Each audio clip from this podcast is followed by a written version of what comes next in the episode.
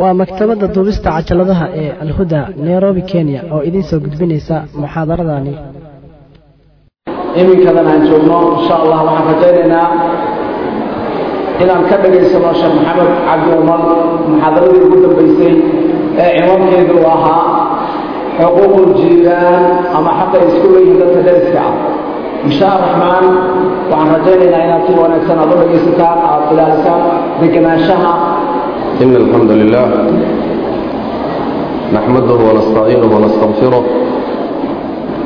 ونعوذ بالله من شرور أنفسنا وسيئات أعمالنا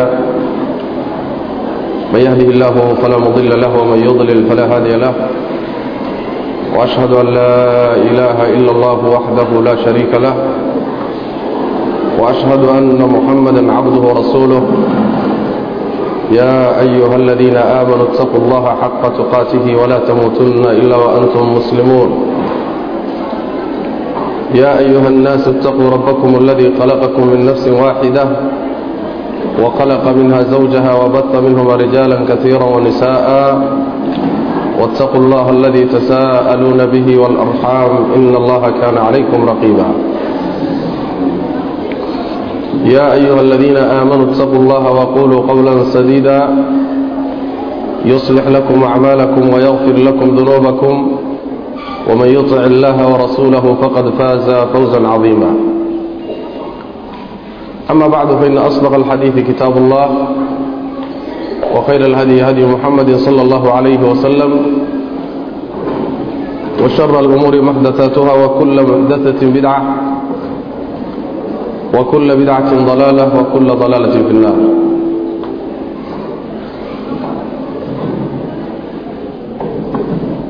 معاشر الأخوات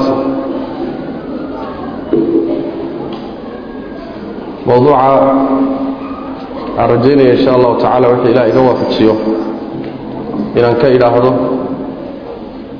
وهو كساب سيهي سيدي هريب الله شيئي حق الجار dariska iyo xaqiisa. Waa arrin runtii muhiim ah in wax laga ogaadona laga maarmaan. Bini aadamka waxaa la yidhaahdaa waa kaa'in ijtimaaci ah. Bimacnaa waa makhluuq aan keligii noolaan karin inuu jinsigiisa iyo dad la mida la noolaado mooye. Sidaas daraaddeed baa waxaa ku timid bini aadamku inuu wada dego oo wada noolaado oo nolosha wadaago.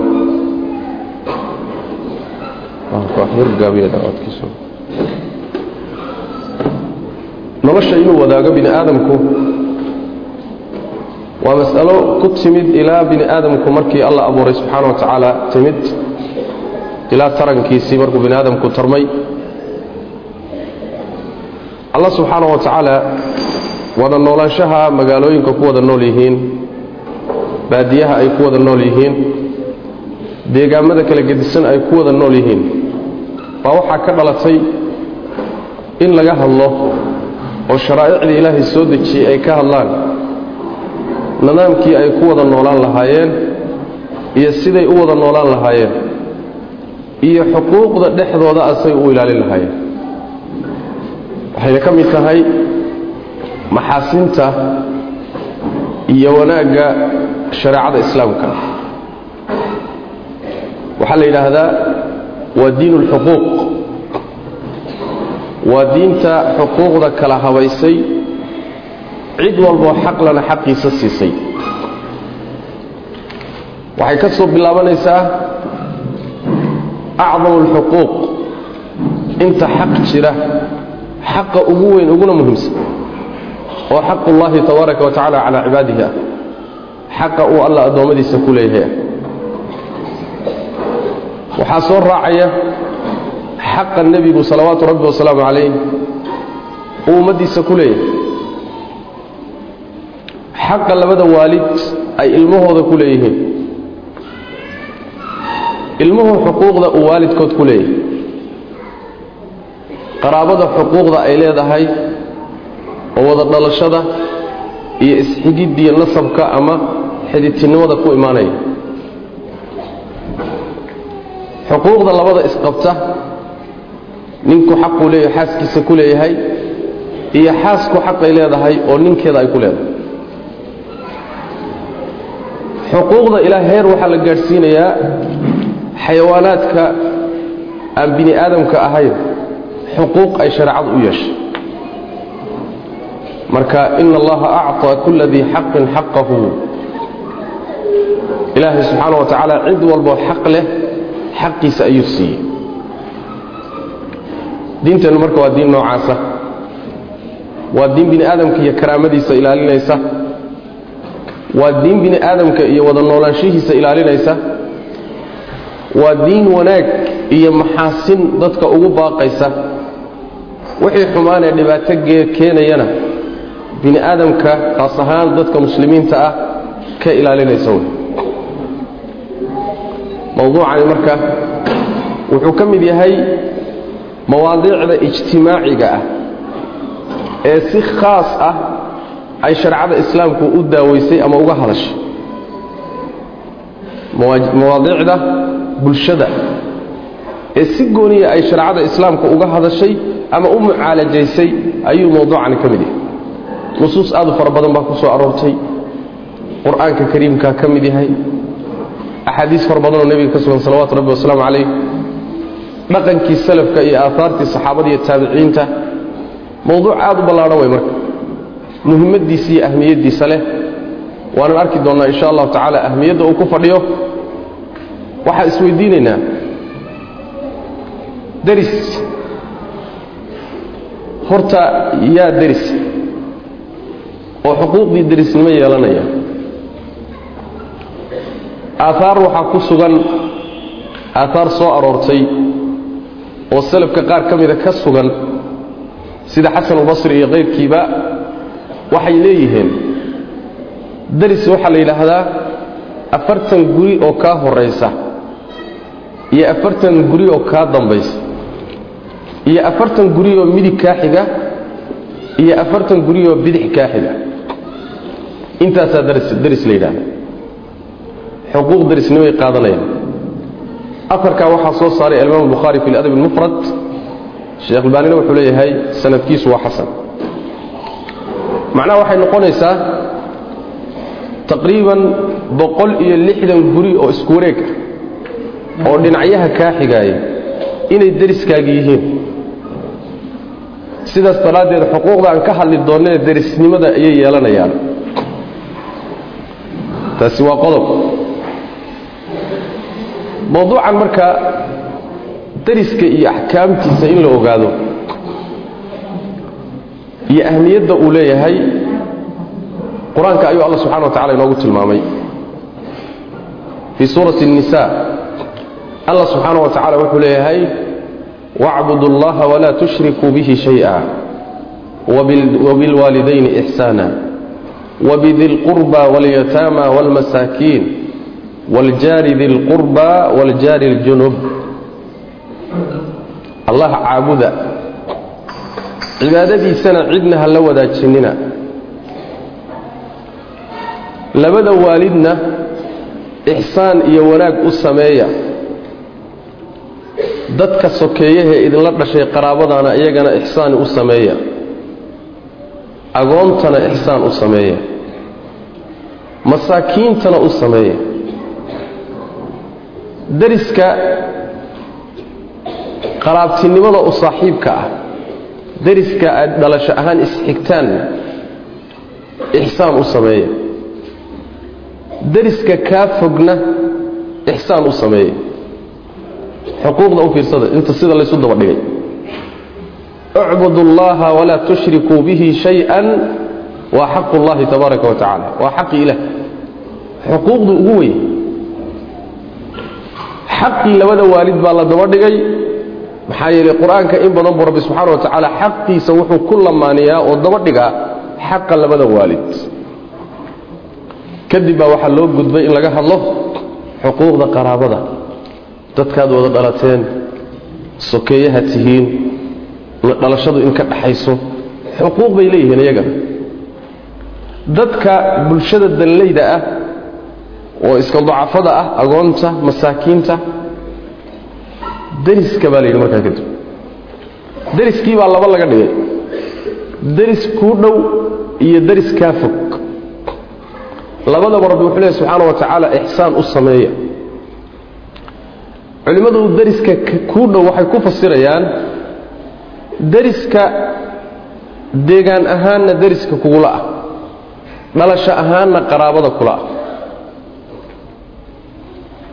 laba xaq buu markaa leeyahay ama ka badanba xaqii qaraabanimona waa leeyahay xaqii derisnimona waa leeyahay. Intaa ka badanoo xaqii islaamnimona waa leeyahay. Waljaari ljunubina waxaa laga wadaa bay leeyihiin dariska deegaan ahaan kuu dhow laakiin dhalasho ahaan kaa fog. Xaqulislaam buu leeyahay hadduu muslim yahay xaquljiwaaroo xaqii darisnimo ana waa leeyahay waxaa kaloo dhici karta in laga wado waljaari dilqurbaa dariska kuu dhow waxaa laga wadaa dariska muslimka. Ah waljaari ljunubina waxaa laga wadaa dariska gaalka ah yahuudiga ama nasraaniga ah ama kayrkii ah. Leanna isaga laftiisu darisnimada xuquuqdeeda waa yeelanaya walow gaalba ha ahaadee. Waljaari dilqurbaa in laga wado dariska deegaan ahaan kuu dhow waljaari ljunubi deegaan ahaan kaa fog taana waa dhici karaysa. Muhimmaddu waxa weeye darisku ama diin ha kaaga gadisnaado ama ha kugu waafaqsanaado ama dhalasho ha kula wadaago ama yuusan kula wadaagin ama ha kaa fogaado ama ha kuu dhowaadee dariska u ixsaanfala oo wanaag u sameeya bu rabbilahi subxana wa tacaala aayaddaasi si cad bay marka waxay inoogu sheegtay waxyaabaha xuquuqda inugu leh inay ka mid yihiin darisku nabigeenna salawaatu rabbi wasalaamu calayh xadiid bukhaari iyo muslim ay soo saareen min xadiid ibni cumar wa caaisha radi allahu tacala canhuma ayaa nebigu wuxu uhi sal alay waslam maa zaala jibriilu yuusiinii biljaar xataa danantu annahu sayuwarifuhu jibriil muusan ka zuulin inuu deriska igala dardaarmayo. Ilaa aan moodayoon maleeyey inuuba dhaxalka wax ka siin doono. Ilaa heer aan is-idhiba toloma wuxuu dhihi doonaa labada deriskii hay isdhaxleen sida dadka wada dhasho isu dhaxlaan oo kale. Toloma heerkaasuu gaadhsiin doonaa ilaa aan is-idhi buu jibriil igala dardaarmaya deriska yacni aad buu ugala hadlay nebiga salawatu rabbi wasalaamu calayh. Rasuulkuna ummaddiisuu kala dardaarmo isaguna aad dardaaran badan buu ka bixiyey. Xadiid kalaa jira oo axmed soo saaray biisnaadin jayid sidoo mundiri u leeyahay sheekh albaanina uu saxiixiyey. Xadiidku wuxuu leeyahay nin ansaarta ka mid a saxaabadii ansaarta ka mid a ayaa xadiiska nebiga ka warinaya sal lay slam wuxuu leeyahay ninkaasi kharajtu maca ahlii uriidu nabiya sal lay slam ehelkaygii iyo reerkaygii baan la baxay. Anigoo nebiga u socdo salawatu rabbi waslamu caleyh oo nebiga doonaya waidaa ana bihi qaa'imun markaan meeshii imidba nebigiioo taagan baan ku soo baxay buuri waidaa rajulun muqbil nin baa nebiga ku sii jeeda oo nebiga la taagan salawaatu rabbi wasalaamu calayh oo sheeko u haya fadanantu ana lahumaa xaajatun fajalastu ana lahumaa xaajatan fajalastu maadaama aan arkay nebigiioo taaganoo nin la taaganya waxaan is-idhi malaha dan baa ka dhaxaysee meel baan iska fadhiistay bal dantooda ha dhammaysteen baan isdhi buui fawallaahi buu ihi laqad qaama rasuulu lahi sal lay waslam xataa jacaltu urtii lahu aw artii lahu min tuuli اlqiyaam nebigu sal lay waslam wakhti dheer buu ninkii la taagnaa ilaa aan nebiga u naxay salawaatu rabbi wasalaamu calayh nebigaan u turay oon u naxay oon isidhi war nebigu waa daalay. Taagnida intan la eg rasuulku waa rafaaday salawatu rabbi waslamu calayh taagni dheer buu nebigu istaagay. Buui uma insarafa faqumtu lahu buui faqumtu ilayh. Nebigu markuu ninkii ka soo gadoomay oo ay dhammaysteen ayaan markaa isu taagay buuhi markaasaa waxaan idhi ya rasuula allah laqad qaama bika hada arajulu xataa jacaltu artii laka min tuuli اlqiyaam nebi ilaahayow ninkani muddo dheer buu ku istaajiyey. Ilaa aan kuu naxayoo aan dareemayba inaad rafaaday. Markaasaa nebigu wuxu uhi sal ly waslam atadri man haada ninkan ila taagnaa ee wakhti dheer ila taagnaa ee istaajiyey miyaad garanaysay buui ma taqaana adigu. Markaasaa waxaan idhi buuhi maya wuxuu yidhi bu nebigu sal lay waslam daaka jibriil calayhi salaam. Kaa ila taaganeed arkaysa jibriil buu ahaa malkuljibriil buu ahaa. Maa zaala yuusiinii biljaar muusan ka zuulin intaan wada taagnayn inuu deriska igala dardaarmayo xataa danantu annahu sayuwariuhu ilaa aan iska idhaahdoon maleeyaba talow muyuu dhaxal buu wax ka siin doonaayo ma wuxuu dhihi doonaa dhaxalka waxbuu ku leeyahay derisku amaa inaka low sallamta calayhi laradda calayka salaam. Haddaad salaami lahaydna salaanta wuu kaa qaadi lahaa buui uhaysada taagni dheer oo saxaabadu nabiga u naxeen ayuu malakal jibriil la taagan yahay wuxuuna kala hadlayaa deriska maxamedow deriska deriska deriska buu leey hawl sahlan maaha xadiidka axmed waa soo saaray. Asxaabu rasuuli lahi sal lay slam ardadii nebigu. Darsigaa ay nebiga ka qaateen iyo tacliimtaa ay nebiga ka qaateen bay ayaguna dhaqan gelin jireen. Oo deriska waxay uga dadaali jireen si aan caadi ahayn. Mujaahid wuxuu warinayaa ardaygii cabdullaahi bni cumar iyo in cabdullaahi bni cumar radi allahu canhuma dubixat lahu shaatun fii ahlihi gurigiisaa neef adhiya lagu gowracay neef adhi ah baa guriga cabdullaahi bni cumar lagu qalay markuu yimid cabdullaahi bni cumar wuu maqnaa oo kor ka yimid ayaa wuxuu yidhi ahdaytum lijaarina alyahuudiy ahdaytum lijaarina alyahuudiy dariskeenii yahuudiga ahaa hilibkii wax ma uga dirteen ma uga geyseen dariskeenii yahuudiga ahaa hilibka wax ma uga geyseen laba goor buu ku celi.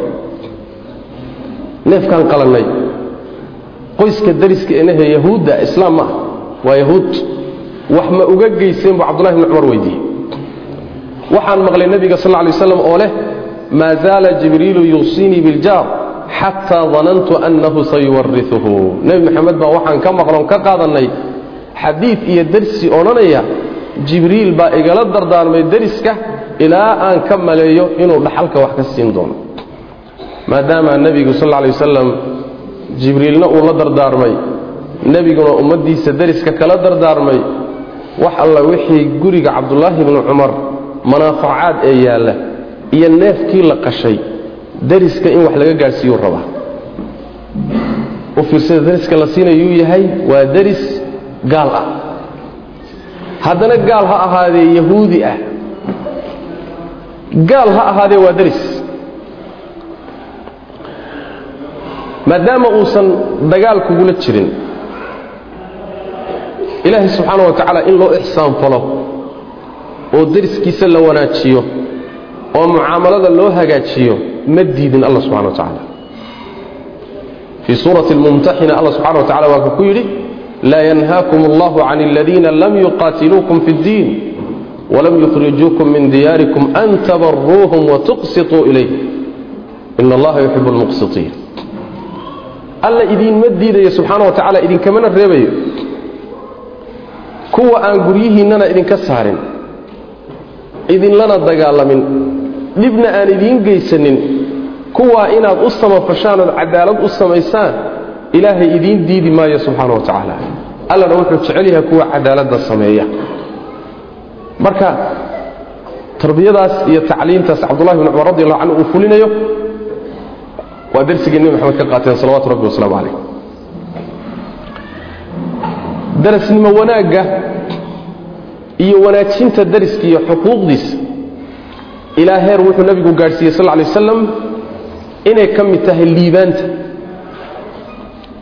in daris wanaagsan ilaahay ku waafajiyo liibaantay ka mid. Tahay in darisku kugu xumaadana waxay ka mid tahay shaqaawada iyo nasiib darradii ayaan xumaday ka mid. Tahay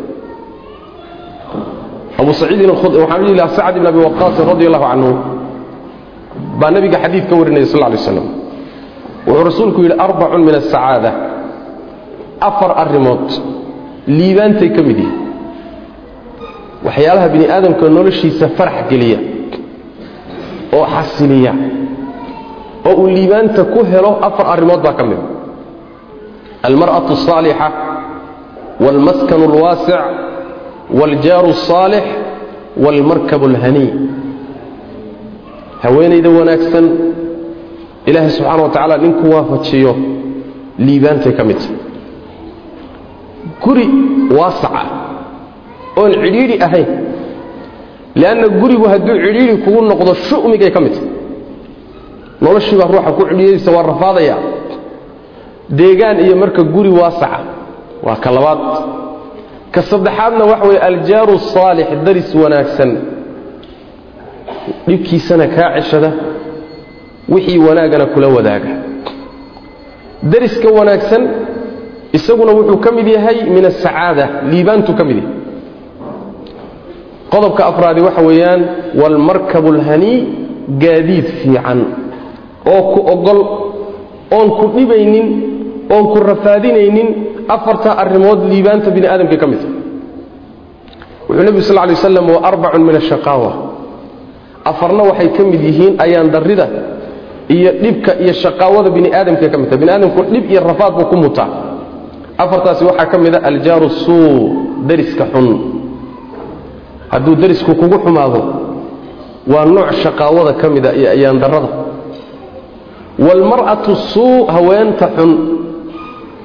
Haweenay xun iyaduna waa imtixaan. Waalmarkabu suu gaadiid xun. Gaadiid xun oon dantaadii ku gaadhsiinayna ama dabeecad xun oo ku rafaadiyo ood ku rafaado waalmaskanu dayiq deegaan iyo guri cidhiidhi ah afartaasina shaqaawaday ka mid tahay buu nabig salawatu rabbi waslamu calayh. U fiirsada marka bini aadamka waxyaalaha sacaadada geliya oo faraxa geliya oo xasiloonida geliya oo deganaanshaha geliya waxaa ka mid ah daris wanaagsan inuu yeesho. Waxyaalaha dhiba rafaadiya kadeeda uu shaqaawiya dhibaato kala kulmana dariska xun baa ka mid sidaas daraaddeed baa nabigeenu salawatu rabbi wasalam aleh xadiidka waxaa soo saaray ibni xibbaan fii saxiixihi. Sheekh albaanina wuu saxiixinaya sidaas darteed ayaa nabigeenna salawaatu rabbi wasalaamu calayh ilaahay waxyaaluhu ka magangeli jira waxaa ka mid ah dariska xun. Xadiidka abu hurayra ee bukhaari uu ku soo saaray fi ladab almufrad ibn xibbaanna fii saxiixihi sheekh albaanina uu taxsiininayo ayaa wuxuu yidhi abu hurayre nebigu sal lay waslam kaana yaquul nebi moxamed wuxuu ahaa mid yidhaahda allahuma inii acuudu bika min jaari الsuuءi fii daari اlmuqaama faina jaara albaadiyati yataxawal ilaahow waxaan kaa magangelayaa oon magankaaga ahay deris xun degmo aan laga guuraynin meel lagu nagaanayo oon laga kala guurayninoo magaalo ah ilaahayow inaad deris xun ii samayso oo deriskayga wax xun ka dhigto baan ilaahu magankaaga ah maxaa yeelay baadiyaha deriskiisu wuu kaa wareegi. Reebaadiyaha waa idinka arkayoo waa reer guuraa muddaa meel la soo wada degi daaqii baa la wada cabbi la wada cuni biyihii iyo roobkii baa la wada cabbi. Intaa markii la dhammaystana waa la kala guuri. Deriska baadiyuhu marka wakhti buu leeyahayo waaba kaa wareegi laakiin deegaan rasmiya iyo magaalo deriskaagu inuu ku xumaado taasaa ilaahay laga magangala subxana wa tacaala. Marka deriskoo kugu xumaaday waa arrimaha waaweyn oo ilaahay subxaana wa tacaala magan looga noqdo ilaahayna lagaga cararo subxana wa tacaala.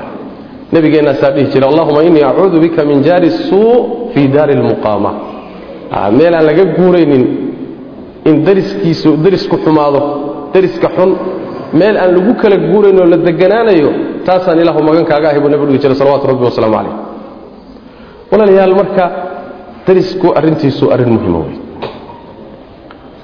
in lagu dadaalona waa laga maarmaan. Inaynu ka dadaalnana waa arrin aakhiradeenna iyo adduunyadeennaba u habboon oo danteennu ay ku jirto. Inaynu xuquuqda dariska meel kaga dhacnoon ku ciyaarnana innagay inoo daran tahay aakhariya adduunba sidaas daraaddeed baa waxaa laasim ah haweenayda muslimadda ah gabadha muslimadda hooyada muslimadiihi iyadoo ilaahay subxaana wa tacaala ka amar qaadanaysa inay ka dadaasho dariskeeda waxaa ka sugan nebiga sal ly waslam xadiiu axmed soo saarayo abaraani waa xadiid xasana min xadiidi cuqbat bni caamir. Nebigu wuxu uhi sal lay waslam walu khasmayni yowma alqiyaamati jaaraani buu nebi uri sl lay slm maalinta qiyaamada markii laysu tago dadku way isqabsan doonaan. Maxkamad baa laysla fuuli doonaa. Ilaahay hortiisaa laysku dhegi doonaa. Labada ugu horreeya isqabsan doona waa laba deris ahaa buu nebigu uri salawatu rabbi waslamu calayh. Dadkii kaleo dhan waa laaban yihi intii isdishay waa laabanta. Intii xoole iska dhacday waa laabanta. Intii nabarra isu geysatay waa laabanta. Intii dhib kale isu geysatay waa laaban tahay waxaa maxkamadda ugu horreeya la saarayaa dariskii isxumeeyey labadaasaa meerka ugu horraysa isqabsanaya maxkamaddana la soo saaraya allana cadaalad ku kala saaraya subxaanahu wa tacaala. Arrin sahlan miyaa marka? Qadiyatu dimaa iyo arrimo fara badan inta la dibdhigo in dariska loo soo hormariyo maxkamadiisa qaadideeda waxay ku tusaysaa ahmiyadda iyo mudnaanta ay leedahay arrinta dariska iyo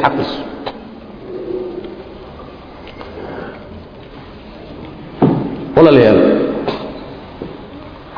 waxaad ogaanaysaan shareecada islaamka meesha uu darisku kaga jiro.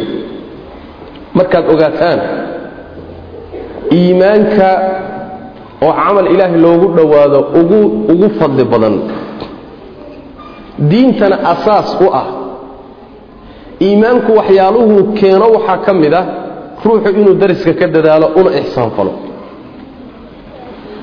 ruuxa iimaankiisu uu daciifka yahay. Ama waxaad tidhaahdaa haddaad aragto ruux dariska xuquuqdiisii ku ciyaaraya oo dariskiisa u daran waxaad ogaataa iimaanka qalbigiisa ku jira ayaa aada u tabar daran. Iimaanka qalbigiisa ku jiraa daciif ah. Haddaad aragto ruux dariskiisu ka dadaalaya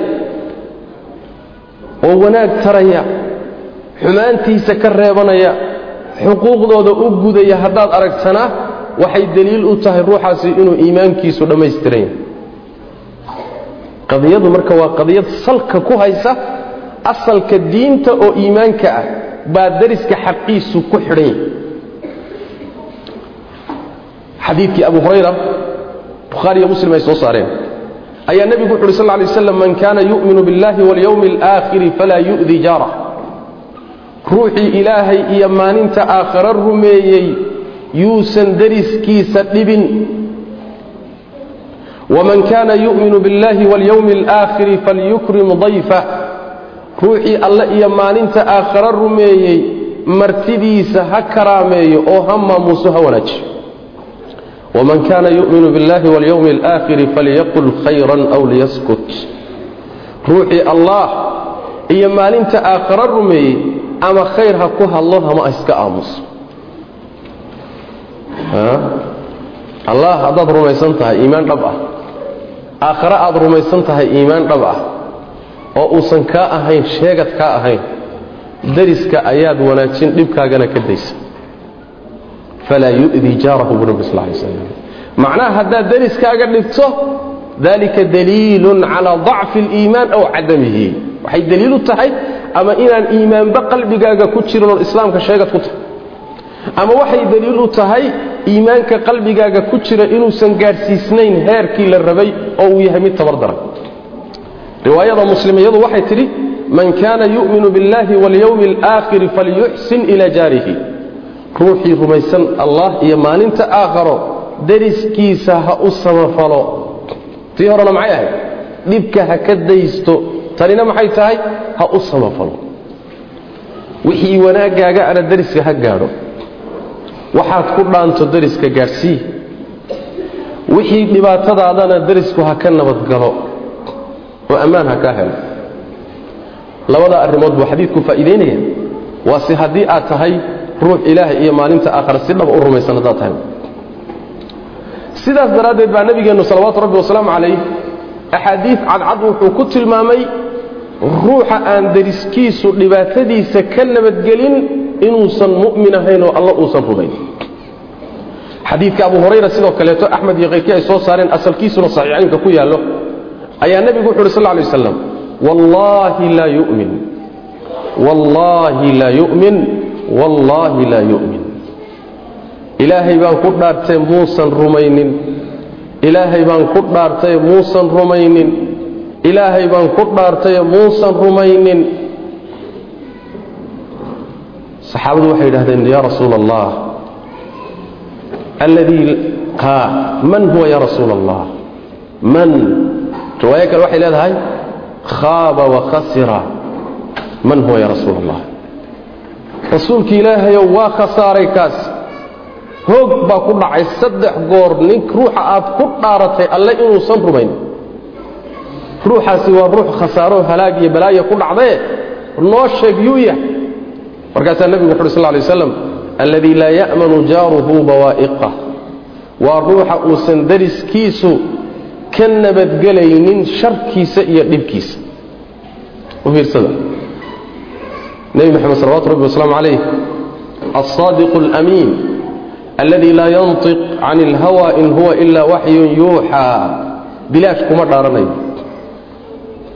isagoo alsaadiqu almasduuq ah oo warkuu yidhaahda aan beenibe ka suuroobinba ayuu haddana saddex goor allaha alla subxana wa tacala magaciisa ku dhaartay. Saddex goor. Muxuu ku dhaaranayaa? Wuxuu ku dhaartay nebigu salawaatu rabbi wasalaamu calayh ruuxii aan dariskiisa dhibaatadiisa ka ceshanin oo dhibkiisa darisku ka nabadgeli waayo ruuxaasi ma rumaynin iimaankiisuna ma saxsana intaasuu nebi maxamed sal lay slam saddex goor dhaar isdaba dhig. Sidoo kale waxaa ku tusaya xadiidka axmed ibn abi dunya fi samti uu ku soo saaray sheekh albaanino taxsiininayo waa xadiid anas bin malikin radi allahu canhu nebigu wuxu uhi sal lay waslam laa yastaqiimu iimaanu cabdin xata yastaqiima qalbuh wlaa yastaqiimu qalbuhu xata yastaqiima lisaanuh walaa yastaqiimu lisaanuhu xataa walaa yastaqiimu lisaanuhu walaa yadkhulu اljannata xataa ya'mana jaaruhu bawaa'iqah nebigu wuxu uhi sal lay waslam ruuxa iimaankiisu toosi maayo ilaa qalbigiisu ka tooso qalbigiisuna toosi maayo ilaa carabkiisu ka tooso carabkiisuna toosi maayo jannana geli maayo ilaa dariskiisu uu ka nabadgalo sharkiisa. Balse ruuxa iimaankiisu ma toosayo mana saxmayo ilaa qalbigiisu toosoo saxmo. Qalbiguna wuxuu ku saxmayaa inuu carabku saxmo. Carabkuna ma saxmi karo jannana la geli maayo haddaan dariska sharka iyo dhibaatada laga celinin haddaan dariska dhibaatada iyo sharka laga reebin janno la geli maayo. Xadiidkii kale anas bin malik radi allahu canhu axmed iyo abu yacla bazaar soo saareen ibn xibbaan iyo xaakim iyo dahab iyo albaanina ay saxiixiyeen ayaa nebigu wuxu uhi sal lay waslam almu'minu man aminahu اnnaas wاlmuslimu man salima almuslimuuna min lisaanihi wayadihi mu'min waxaa la yidhaahdaa ruuxa ay dadku ka ammaan ka heleen dadku ruuxay ammaan ka heleen oy dhibkiisa ka nabadgaleen ayaa la yidhaahdaa mu'min.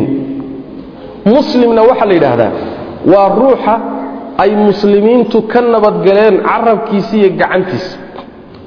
Waalmuhaajiru man hajara asuu muhaajirna waxaa la yidhaahdaa xumaanta ruux ka tegay oo ka hijrooday. Wاladii nafsii biyadihi. Halkan way qasadku laa yadkhulu اljannata cabdu laa ya'manu jaaruhu bawaa'iqa ilaahayga naftaydu gacantiisa ay ku jirtaan ku dhaartay inuusan jannada gelaynin addoon aan dariskiisu sharkiisa ka nabadgelin waa ku dhaartay nebi maxamed salawatu rabbi waslamu calayh ha hawaysanin janno haddaad tahay haweeney sharley ah oo derisku ka cabteen oo laga qayliyey oo carabkeeda laga nabadgeli waayey oo gacanteeda laga nabadgeli waayey oo ciyaalkeeda laga nabadgeli waayey haddii aad islaan sharlay a tahay jannaha haawaysanin janno geli maysa. Naar baa kuu taalla. Cadaab ilaahi subxana wa tacaala ayaa ku sugaya. Waana u tegi doonnaa in haweenay salaad badnayd oo soom badnayd oo cibaado badnayd haddana naarta ay gashay. Dariska oo la dhibo waxyaalaha ka dhasha waxaa ka mid a ama xuquuqdiisa lagu ciyaaro. Ruuxa dariska dhiba dadka agtoodana waa ku lacnadan yahay. Ilaahay agtiisana waa ku lacnadan yahay. Waa malcuun. Xadiid baa jira abu juxayfa nabiga ka warinaya sal lay waslam abaraani iyo bazaar baa soo saaray biisnaadin xasan bukhaari fi ladab almufrad. Xaakimna wuxuu leeyahy calaa sharti muslim ayuu saxiix ku yahay. Dahabi baa ku waafaqay. Sheekh albaanina wuxuu leeyahy saxiixun lighayrihi xadiidu abi juxayfa la yidhaha xadiidkan. Abu juxayfa wuxuu leeyahay jaءa rajulu ilaa rasuuli lahi sal lay wasalam yashkuu jaarahu. Nin baa nebiga u yimi sal lay wasalam ninkaasi wuxuu ka dacwoonaya oo ka sheeganayaa dariskiisa deris xun baa lagu imtixaanay deriskiibuu dacwo ka yahay. Rasuulka ilaahayow deriskaa idhibay dhibaatadaasuu igu hayaa waa ka dacwoonaya markaasaa nebigu sal lay waslam ninkii wuxuu kula taliyey iطrax mataacaka cala ariiq buui alaabta guriga kuu taalla intaad soo saarto dariiqa dadku marayaan ku daadi buui halkaa soo toogi faaraxahu alaabtii buu jidka ku soo daadiyey fajacala annaasu yamuruuna calayhi wayalcanuun dadkiibaa soo maraya isagoo alaabtii jidka u taallo. Ruuxii soo maraba wuu weydiinayaa war maxaa kugu dhacay? War maxaa alaabtaada guriga ka soo saaray? Markaasuu wuxuu leeyahay ninka hebeleen deriska nahay baa idhibay markaasay dadkii waxay leeyihiin balaaya kugu dhacday. Inkaari kugu dhacday. Ilaahay ku lacnad. Bal ninka laga baxsan waayee dariskiisa saa u galahay dadkiibaa habaar iyo lacnad kala daalay ninkii marka wuxuu u adkaysan waayey dariskii ahaayee ninka dhibay. Wuxuu u adkaysan waayey dhibaatadii. Markaasuu intuu soo orday buu nebiga u yimi sal lay slam markaasuu yidhi yaa rasuula allah laqiitu min annaas. Rasuulka ilaahayow dhib baan dadkii kala kulmayo waa lay dhibaya. Markaasaa nebigu wuxu uhi sal lay slam wamaa laqiita minhum. Maxaad kala kulantay dadka? Maxaa lagugu hayaa? Maxaa lagugu sameeyey? Markaasaa wuxuu yidhi yalcanuunanii way ilacnadayaan way ilacnadayaan way habaarayaan. Markaasaa nebigu wuxu uhi sal lay wasalam qad lacanaka allaahu qabla annaas. Dadka hortood ilaahay baa ku lacnaday. Buui dadkii baa igu sheekaysanaya oo ihabaaraya oo ilacnadaya sooma lihid dadkan intii ka horraysay baad ilaahay agtiisa ka lacnadantao ilahay baa ku lacnaday buu nebigu ku uhi salawatu rabbi waslamu calayh markaasaa wuxuu yidhi innii laa acuudu rasuul ilaahayow dib dambe ugu noqon maayo. Waan ka xumahay khalad baan galay waan ka noqonayaa kuna noqon maayo. Ninkii marka alaabta bannaanka u soo daadiyey baa nebiga u yimi sal lay slm markaasuu wuxuu arrintii nebigu wuxuu ku yidhi irfac mataacaka faqad kufiita. Dhibkii waa lagaa daaye alaabtaada celiyo qaad oo guriga dib ugu celi qasadkan xadiidkan ka leeyahay waxa weeye nebigu wuxuu yidhi salawaatu rabbi wasalaamu caleyh ninkaa dariskiisa dhibi jiray ee dadku habaarayaan ee lacnadayaan intayna dadku ku lacnadin ilaahay baa ku lacnaday subxaana wa tacaala. Saas daraaddeed ruuxa dariska dhibaayay waa lacnadaya addoommada ilaahay subxaana wa tacaala ee dhulka kula jooga ee aad dariska tihiin eed wada nooshihiin addoommadaasi waa markhaatiyadii rabbi subxaana wa tacaala berri lagaa warsan doono. Hadday xumaan kugu sheegaan oo isaga markhaati kacaan hebla sharley bay ahayd hadday dhahaan. Ilaahay agtiisa sharley baad ka tahay naar baadna geli. Nebi maxamed salawatu rabbi wasalaamu calayh. Saxaabadiisa isagoo la fadhiya ayaa waxaa la soo mariyey janaaza la soo mariyey mayd la wado markaasaa nebigu wuxu uhi sal lla alay waslam janaasadan maxaad ka dhihi lahaydeen? Markaasay ammaaneen ruux wanaagsan buu ahaa ruux cibaado badan buu ahaa ammaan bay kala daaleen.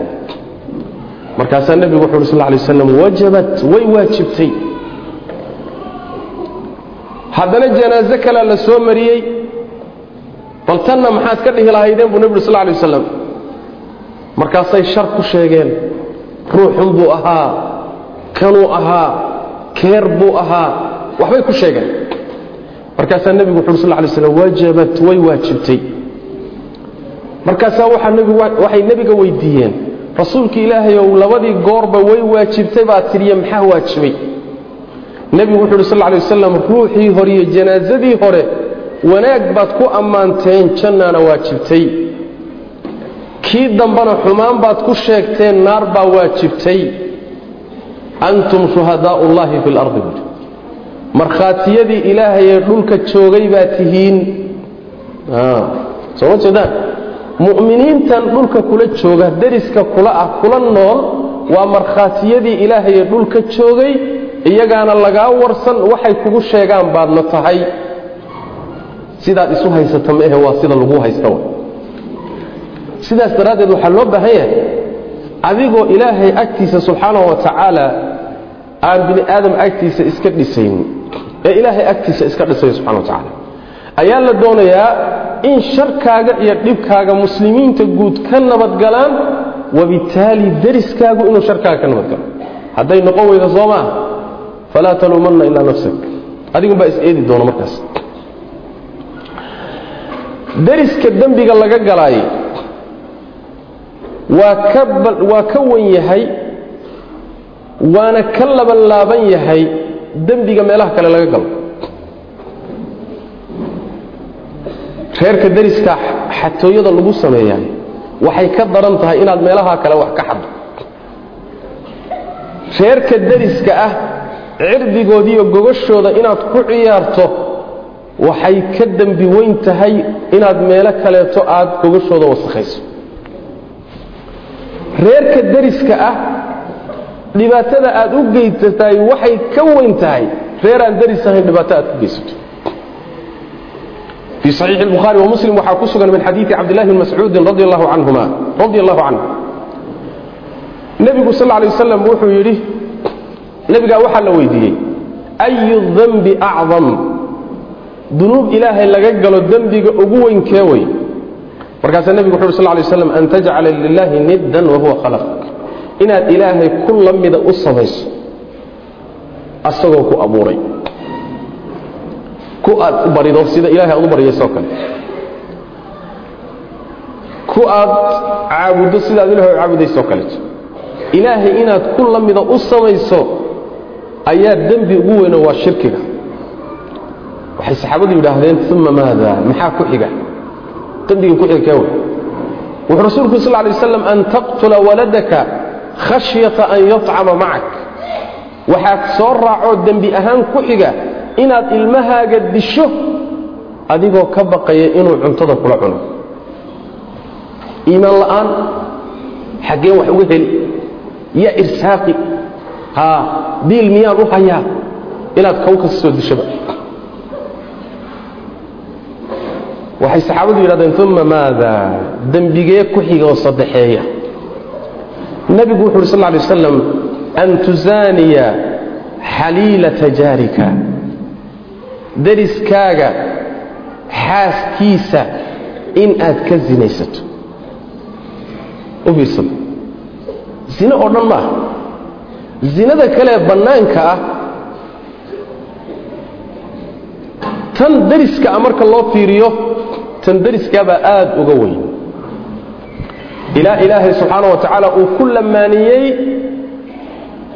shirkiga dilka carruurta wuxuu ku saddexeeyey deriskaaga xaaskiisa inaad la sinaysatood gogoshiisa hadlaysood sharaftiisaad meel kaga dhacdo macna bal waxaaba masaladaas sii caddaynaya oo si cad inoogu sii sharxaya.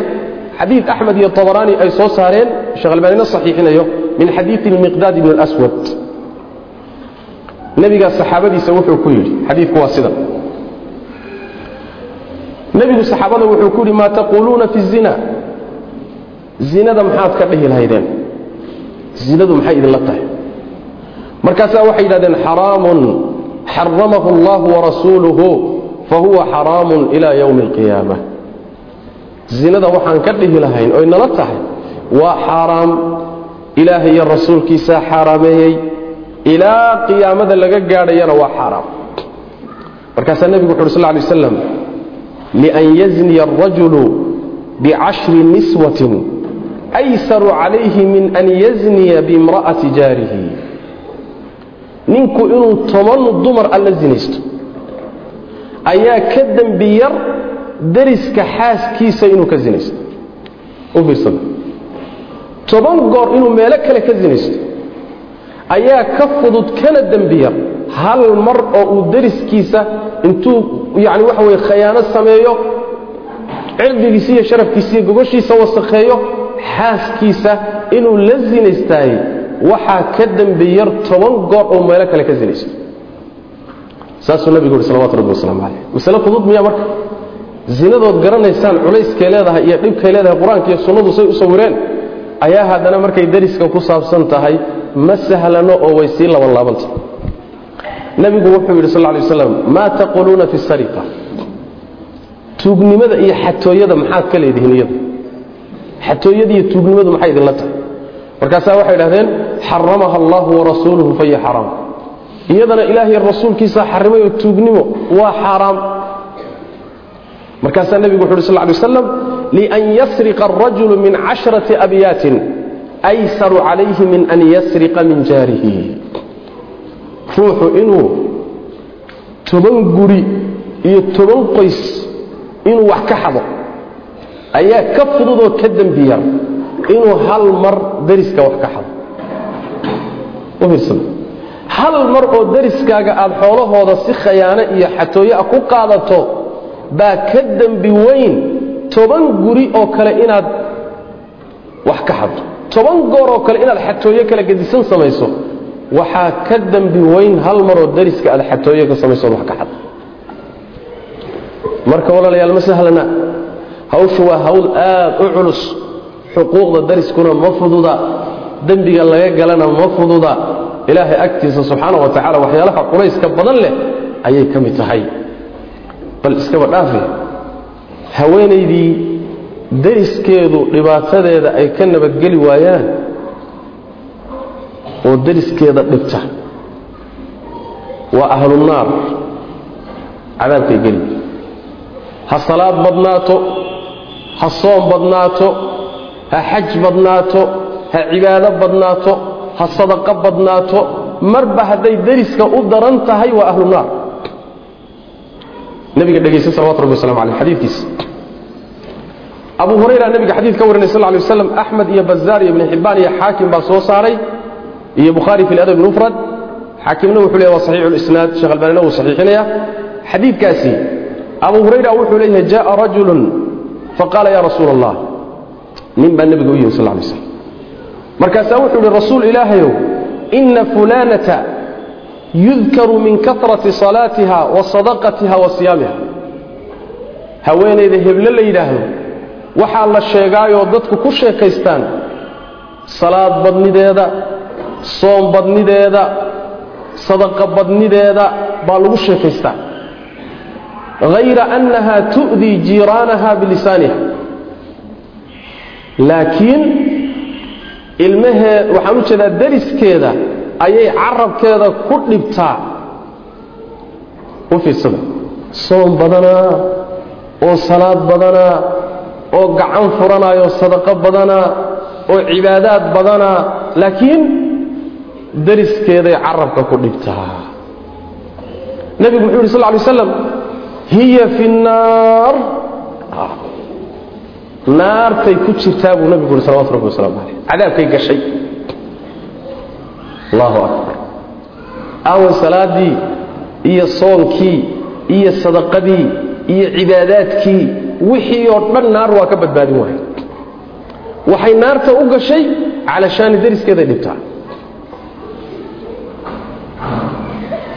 Wuxuu haddana nebiga ku yidhi sal lay slam ninkaas rasuul ilaahayow ina fulanata yudkaru min qilati siyaamiha wa sadaqatiha wa salaatiha. Haweenay kale waxaa lagu sheekaystaayoo la sheegaa inay soon yar tahay oy sadaqo yar tahay oy salaad yar tahay ma cibaado badna. wa innaha tatasadaqu biاlahwaar alahwaar waxoogaa gaballo yar oo aan badnayn oo caanaha fadhiyo ah bay sadaqaysataa bimacnaa ma sadaqa badna sadaqadeedu waa iska yar tahay salaadeedu ma badna riwaayo kale waxay le waajibaadka unbay gudataa wax kaloo badan ma leh laakiin laa tu'dii jiiraanaha bilisaaniha daridkeesa dariskeedase carabkeeda kuma dhibto waa islaan laga nabadgalay dhibaato aan lahayn dariskeeda aan dhibin haba iska cibaado yaraato ha iska salaad yaraato sadaqo yaraatee markaasaa nebigu wuxuu uhi sal alay wasalam hiya fi ljanna jannaday gashay oo jannaday ku jirtaa haweenaydii cibaadada yaraydna waxay janno ku gashay dariskay u roon tahay. Haweenaydii cibaadada badnaydna waxay naar ku gashay dariskay u daran tahay. Adiga ku talagal jannana waxay kuu jirtaa inta aad dariskaaga u roonta naarina waxay kuu jirtaa inta dariskaaga aad u daranta labadaa kaad yeeli lahay aday kuu taalla marka. Labadaa kaad yeeli lahayd aday kuu taallaa mas'aladuna masale ciyaar aqbali karta maaha haddii haweenkii cibaadada badnaa ee salaada badnaa ee magaaladu ku sheekaysanaysa cibaadadeeda dariskay u darnaatay ay jannaar ku gasho adigoo cibaadadaadu iska yartay oon salaad badnayn oon soon badnayn oon sadaqo badnayn oo cibaadaad badnayn oo haddana ku darsaday dariska inaad u daran tahay ka war. Cajiib. Tii cibaadada badnayd baa daris xumo naar ku gashay adigoo cibaadadaadu xun tahay haddana dariskii u xunoo u daran laba xumaanood isku darsaday ka war. Adiga naar maysi seegaysaan waa halis. Aad bay khatar u tahay. Ilaahay subxaana wa tacaala aan ka baqno allana aan ka xishoono ciyaar iyo filin iyo dhalanteed iyo dhaandabangaalan la noollahay adduunyadan iyo waxaan yani waxa way maaweeladan ku jirnaay waa laga bixi doonaa xaqaa'iq baana loo tegi doonaa. Ilaahay subxaana wa tacaala inta laga xishoodo laga baqo dariska xuquuqdiisa ha la ilaaliyo. Ilaahayna ha looga baqo subxana wa tacaala. Muxuu inooga baahan yahay marka darisku darisku wuxuu inooga baahan yahay oo xuquuqdu inagu leeyahay ah kow. Waxaad naftaada la jeceshahay dariskaaga la jeclow. Xadiidka anas saxiixu muslim ku yaalla ayaa nebigu wuxu uhi sal ly waslam waladii nafsii biyadihi laa yu'minu cabdun xataa yuxiba lijaarihi aw qaala liakhiihi maa yuxibu linafsihi ilaahayga naftaydu gacantayda ku jirtaan ku dhaartay gacantiisa ku jirtaan ku dhaartay midkiin muusan rumaynin. Addoon ma rumaynin iimaan saxana lama imaanin oo dhammaystiran ilaa uu dariskiisa la jeclaado wuxuu naftiisa la jecel yahay. Maxaad naftaada la jeceshahay naftaada waxaad la jeceshahay caafimaad. Naftaada waxaad la jeceshahay risiq waasicoo xalaal ah. Naftaada waxaad la jeceshahay ammaan. Naftaada waxaad la jeceshahay diin. Naftaada waxaad la jeceshahay sharafkaagu inuu ilaashado ilaashanaadoon xumaan lagaa sheegin. Naftaada waxaad la jeceshahay karaamo iyo cizi waxaad naftaada la jeceshahay dariskaaga la jeclow markaasaad mu'min tahay dabcan waxaad naftaada la neceb tahayna dariskaaga la nac. Macnahana waxaa laga wadaa miisaanka naftaada aad saarayso mid la mida dariskana saar oo iska soo qaad dariskaagu inuu adoo kale yahay. Sidaana waa nebigu salawatu rabbi wasalaamu calayh macaanida uu ina barayo fii saxiix muslim waxaa ku yaalla nebigu markuu ka sheekeeyey sal lay waslam fitanka dhici doona iyo imtixaanaadka iyo muslimiintu siday dhiiggooda u daadin doonaan iyo dhibaatooyinka dhex mari doona ayaa nebigu wuxuu uhi sal lay wasalam ruuxii doonaya in naarna laga dheereeyo jannana uu galo. Falta'tihi maniyatuhu wa huwa yu'minu biاllahi walyowmi اlaakhir geeridu ha u timaado isaga oo rumaysan allah iyo maalinta aakharo wuxuu nebigu ka dambaysiiyey walya'ti ila annaasi maa yuxibu an yu'ta ilayh. Dadkan ha ula yimaado wuxuu jecel yahay in isaga loola yimaado. Taa waxay ku tusaysaa ruuxa iimaankiisa iyo dadnimadiisa iyo diintiisa ayay ku tusaysaa inuu dadka ka soo qaado isagoo kale. Oo dadku waxay uu jecel yahay inay dadku kula dhaqmaan isaguna kula dhaqmo waxa uu necab yahay in dadku ula yimaadaanoo kula dhaqmaan inuu dadka ka daayo. Miisaankaasi caadilkaabaa la doonayaa inaan dariskeenna iyo muslimiintaba kula dhaqan.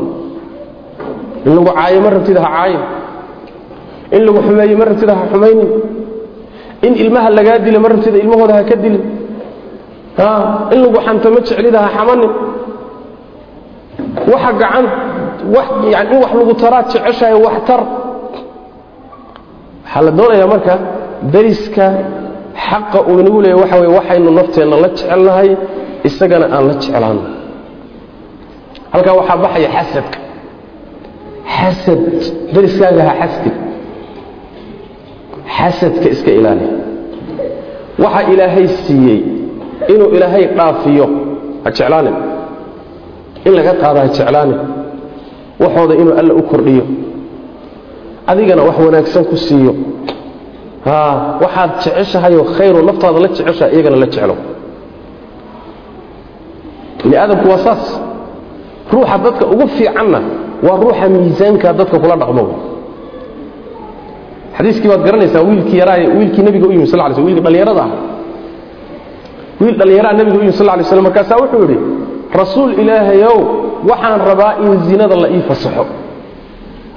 Cajiib aniga zinada ha la ii ogolaadu le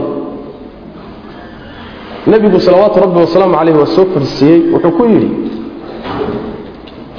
hooyadaa in laga zinaysto ma jeceshahay? Markaasuu yidhi maya! Haye walaashaa in laga zinaysto ma rabtaa?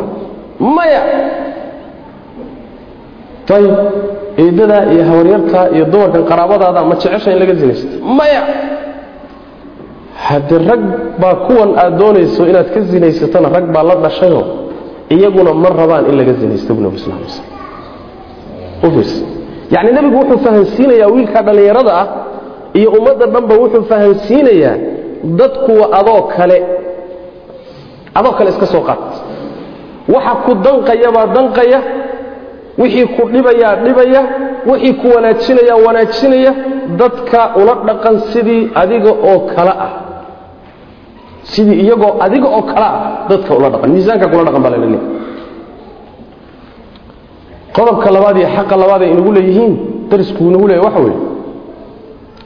Wixii dhibaatadaada inaad ka celiso dhib yuusan kaa gaadhin war xun yuusan kaa gaadhin af xumo yayna kaa gaadhin adin xumo iyo dhaqan xumo yayna kaa gaadhin ilmahaagay inta gurigaaga ku nool iyo adiga toona dariska wax dhibaataha gaadhsiinina ka ilaali man kaana yu'minu biاllahi walyowmi alaakhiri falaa yu'di jaarah iyo haweenaydii dhibaysay dariskeedae naarta gashay waa kaan hadda soo marnay. Dhibaatada marka ka dhowr oo xumaato ka ilaali. Ayb qodobka saddexaad iyo xaqa saddexaad ay inagu leeyihiin waxa weeye in aan u ixsaanfallo waxaan la dheernahay inaan siino xoolo haddaad la dheer tahay la qaybso. Iyagoo gaajaysan dhereg ha ku seexanin. Ayagoo dhibban faraxa ku seexanin. Ayagoo jahli hayo waxaad la dheer tahay u gudbi. Waxaa la doonayaa ixsaan iyo gacan furan iyo dhaqan wanaagsan iyo ka warhayn.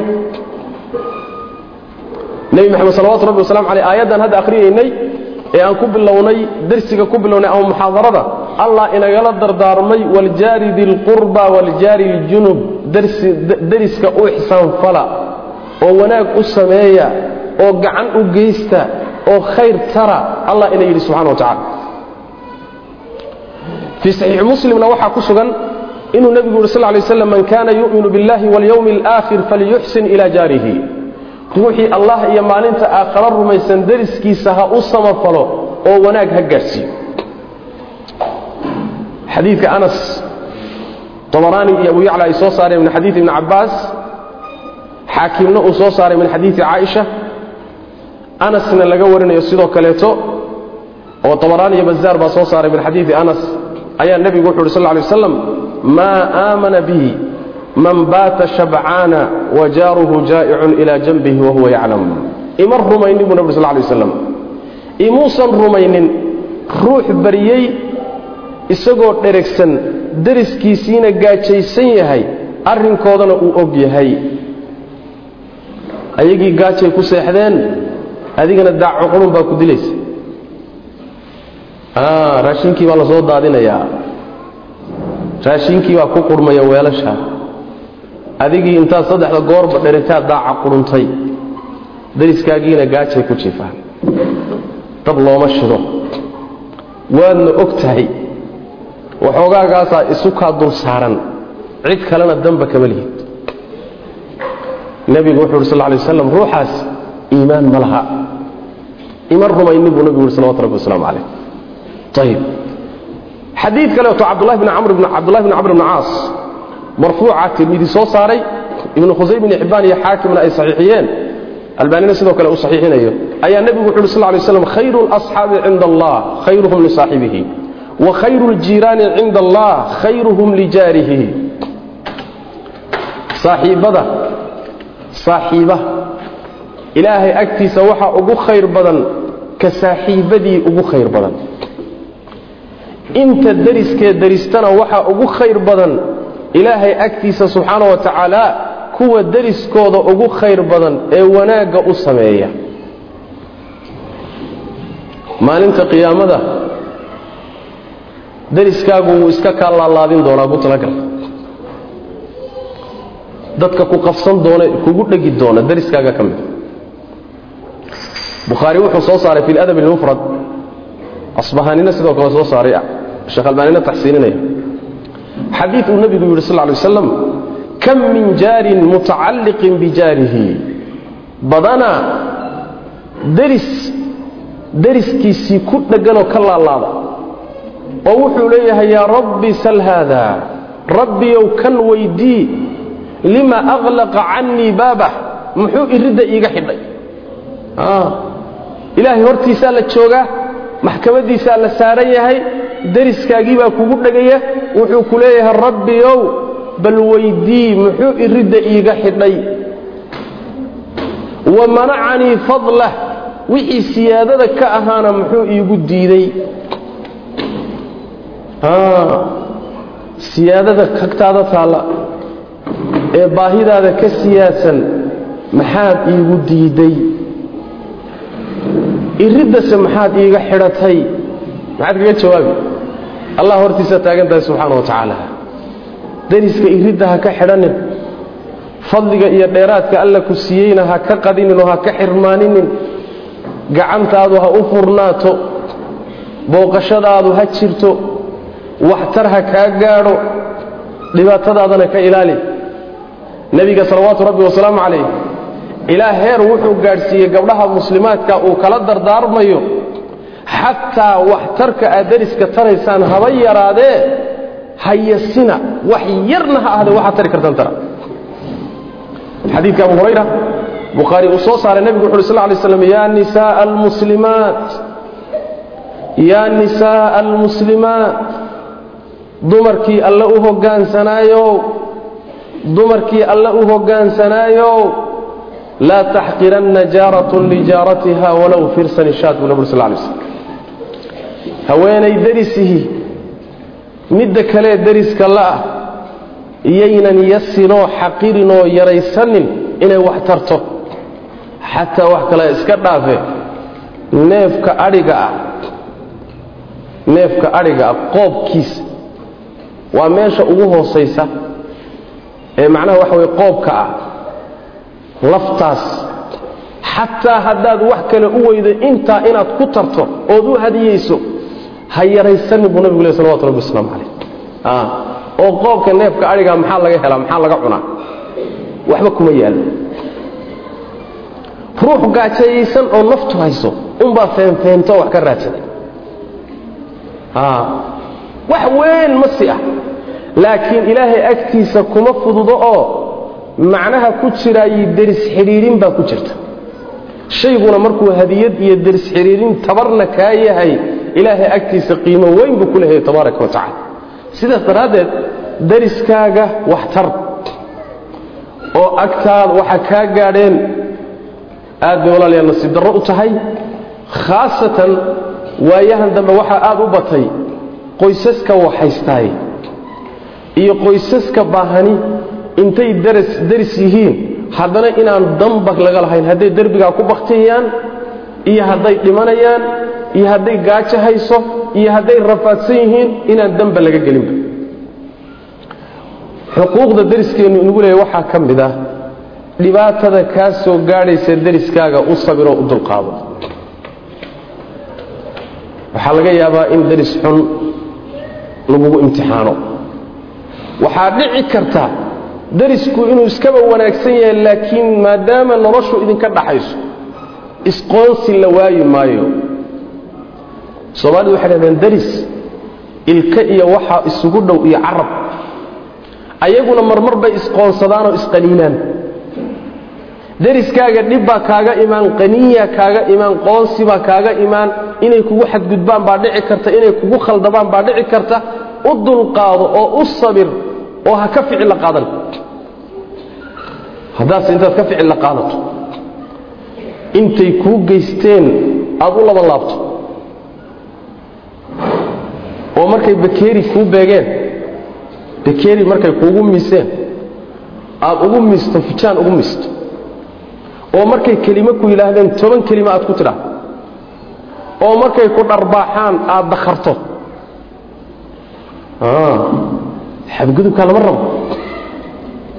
Wajazaau sayi'atin sayi'atin miluha haddaad ka maarmi weydo qiyaastii lagu geystay ha dhaafinin haddii kaleetana iskaba cafi oo dariskaaga u sabir ilaahay dartii ugu sabir subxana wa tacaala. Xadiidka muarif ibni cabdillaah oo aad u qiimo badan baa macnaha sheegaya.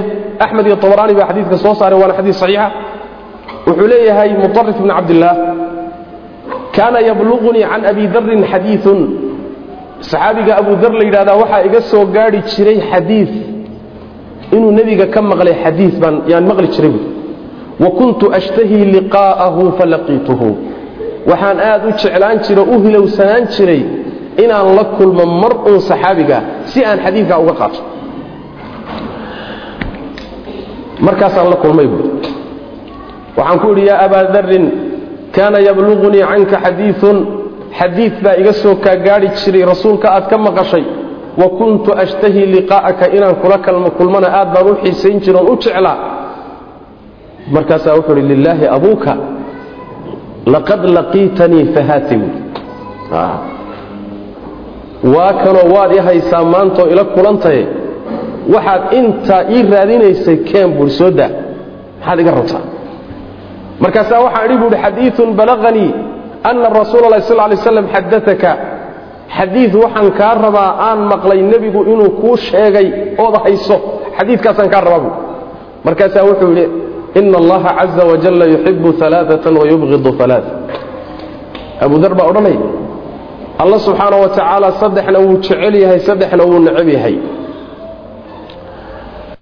Markaasaa hadalkii intuusan sheegin buu wuxuu dhex geliyey famaa ikhaalunii akdibu calaa rasuuli lah sal lay waslam isuma malaynayo inaan nebiga ku been abuuran oo waxaanan ka maqlin aan ka sheegi malaheeda ma qabuuhi isumana malaynayo ee iga dhegaysu yidhi xadiidka waa kuu sheegaya nabigaan ka haya salawatu rabbi waslamu caleyh markaasa waxaa idhi buuhi faman haaulaa'i alaaaa aladiina yuxibuhum allahu caza wajalla saddexda alla jecel yahay waa saddexda baan idhi buui markaasaa wuxuu yidhi abu dar rajulu hazaa fii sabiili اllah saabiran muxtasiba faqaatala xataa qutil saddexda alla jecel yahay kooda koowaad waxa weeye waa nin ilaahay jidkiisa ku duulay oo sabray oo adkaystay ilaahayna ajir kaga doonayoon dan kale ka lahayn oo sidaa ku dagaalamay oo la dilay kaa ilaahay waa jecel yahay subxana wa tacaala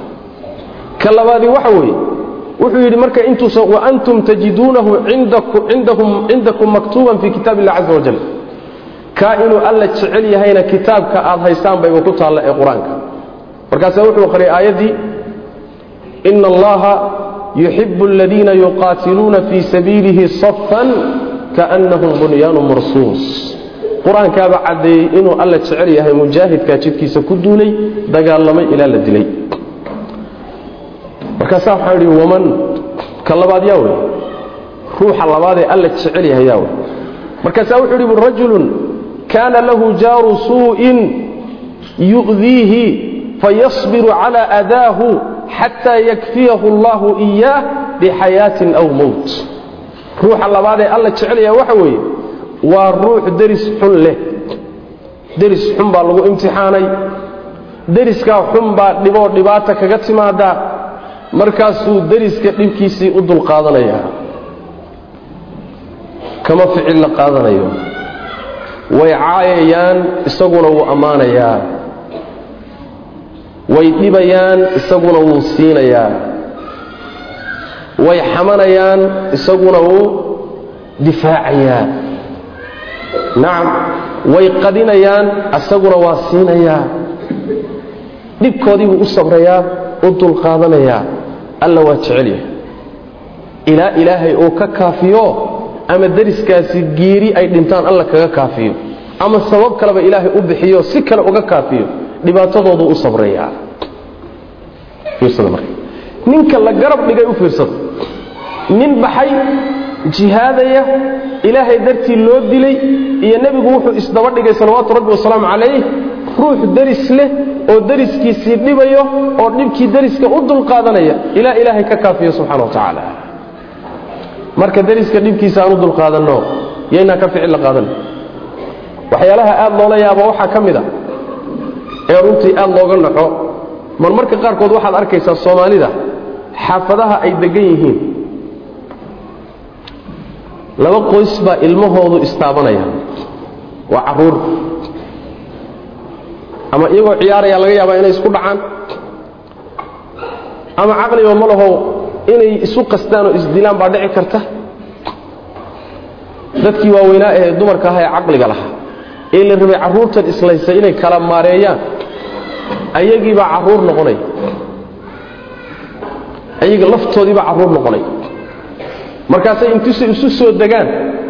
Bay midna xagga ilmaheeda ka soo safan midna xagga ka soo safan labadii dumarka ahaa ee guriga lahaa ee reerka lahaabaaba isu safanba warsee xu jira. Ilmo yaryar oo istaabtay. Baa laga yaabaa middood in loo dilo. Mid ka mida mindi la geliyo. Tu ka mida la dakro aaway caqligii aaway da'dii aaway khibradii aaway waayo aragnimadii aaway islaamnimadii ma jirto. Bal waxyaalaha la yaab kale waxaa ka mid a inayna labadooda ku ekaanine tollo ay ree hebelow inay gaadho. Tollo ayaa ree hebel ah. Oo deegaanka intii deganaydba ree hebel iyo ree hebel loo kala safto oo askar laysugu yeedho. Dowladdii la laaluusho iyo askartii xafiisyada la tago xabsiga laysku guro. Inna lilaahi wa inna ilayhi rajiun haweenay carabkeeda laga nabadgeli waayey ayaa naar gashay. Haweenay dariskeedii dakhartay ka warran oo dhiig ka daadisay. Haweenay dariskeedii intay gaalo u soo kaxaysatay askar xidhxidhay ka war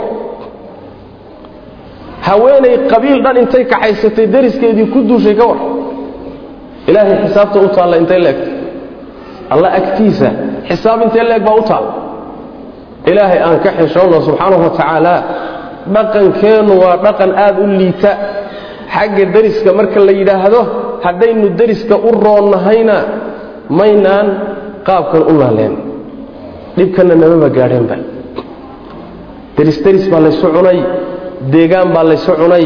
Wixii baan meel walba la joognaa dhulkii baynu kala nimid meel kastood aragtana waxa way dhibaatadu waa taaganta qurbaha haddaad tagto qurbaha waddammada yurub iyo afrikadan ay aadeen iyo meeshay aadeen markaad tagto waxay isu haystaan guruub guruub iyo reerreer bay isu haystaan. Deris ma jiro islaamnimadii aaway walaaltinimadii iimaanka aaway xuquuqdii ilaahay subxana wa tacala dadkan isu saaray aaway shaytaan iyo naf baa ka shaqaysta. Ilaahay aan ka baqno subxaana wa tacaala xuquuqda deriskana walaalayaal aan ilaalinno waxaan kaga baxayaa oon ku gebagabaynayaa kelimada derisku wayna kala xiga waynoo kala dhow yihiin xuquuqdooduna waa sii kala weynta. Derisba deriskuu kaaga dhow yahay qoysba qoyskuu kaaga dhow yahay waa ka xaqley caaisha radi allahu canha ayaa rasuulka waxay weydiisay sal lay slam waxay tidhi inna lii jaarayn fa ilaa ayihimaa uhdi bay tii laba deris baan leeyahay rasuul ilaahayow labada deriskeedee koodee baan wax u hadiyeeyaa. Waxay uma qaybsami karaan. Labada deriskeebaa xaq leh oo aan siiyaa waxoogaagaan hayeen u qaybsami karin. Markaasaa nebigu wuxu uhi sal lay wasalam ilaa aqrabihimaa minka baaban. Kooda iriddoodu ay kuugu dhowaansho badan tahay. Ee irid ahaan kuugu dhow kaas sii oo u hadiyey buu nebigu ui salawatu rabbi waslamu calayh deriska marka siduu u kala dhow yahay baa la rabaa xuquuqda weynankeeda in loo kala siiyo xaqa loogu kala hormariyo. Kuwa kaleeta ee shishana laftooda xuquuqdoodii waa leeyihiin. Walaalayaal marka haddii uu derisku muslim yahayna xaq derisnimo iyo xaq islaamnimuu leeyahay hadduu derisku gaal yahayna xaqii derisnimuu leeyahay waa hal xaq hadduu yahay muslim aad qaraabo tihiin oo isku dhowdihiinna saddex xaq buu leeyahay. Xaqii islaamnimo iyo xaqii derisnimo iyo xaqii dhalasho iyo qaraabanimo saddexdaasuu leeyahay. In marka aan cid walba xaqeeda siinno ilaahayna subxaana wa tacaala sidaa jannadiisa ku helo cadaabkiisana aan kaga badbaadno iyo ciqaabtiisa bulsho walaalaa oo isjecel oo is-ixtiraamta oo isqadarisa oo isla jecel wanaagga sharkana isla neceb inaynu noqonnaa la doonayaa xuquuqda deriska ha la ilaaliyo jannaa lagu gelayaa xuquuqda deriska yaan meel lagaga dhicin naar iyo cadaab iyo cadho ilaahay subxaana wa tacaala baa lagu mudanaya intaasaan kelimada ku gabagabayn wajazakum allahu khayran wasalaamu calaykum waraxmat ullahi wabarakaatu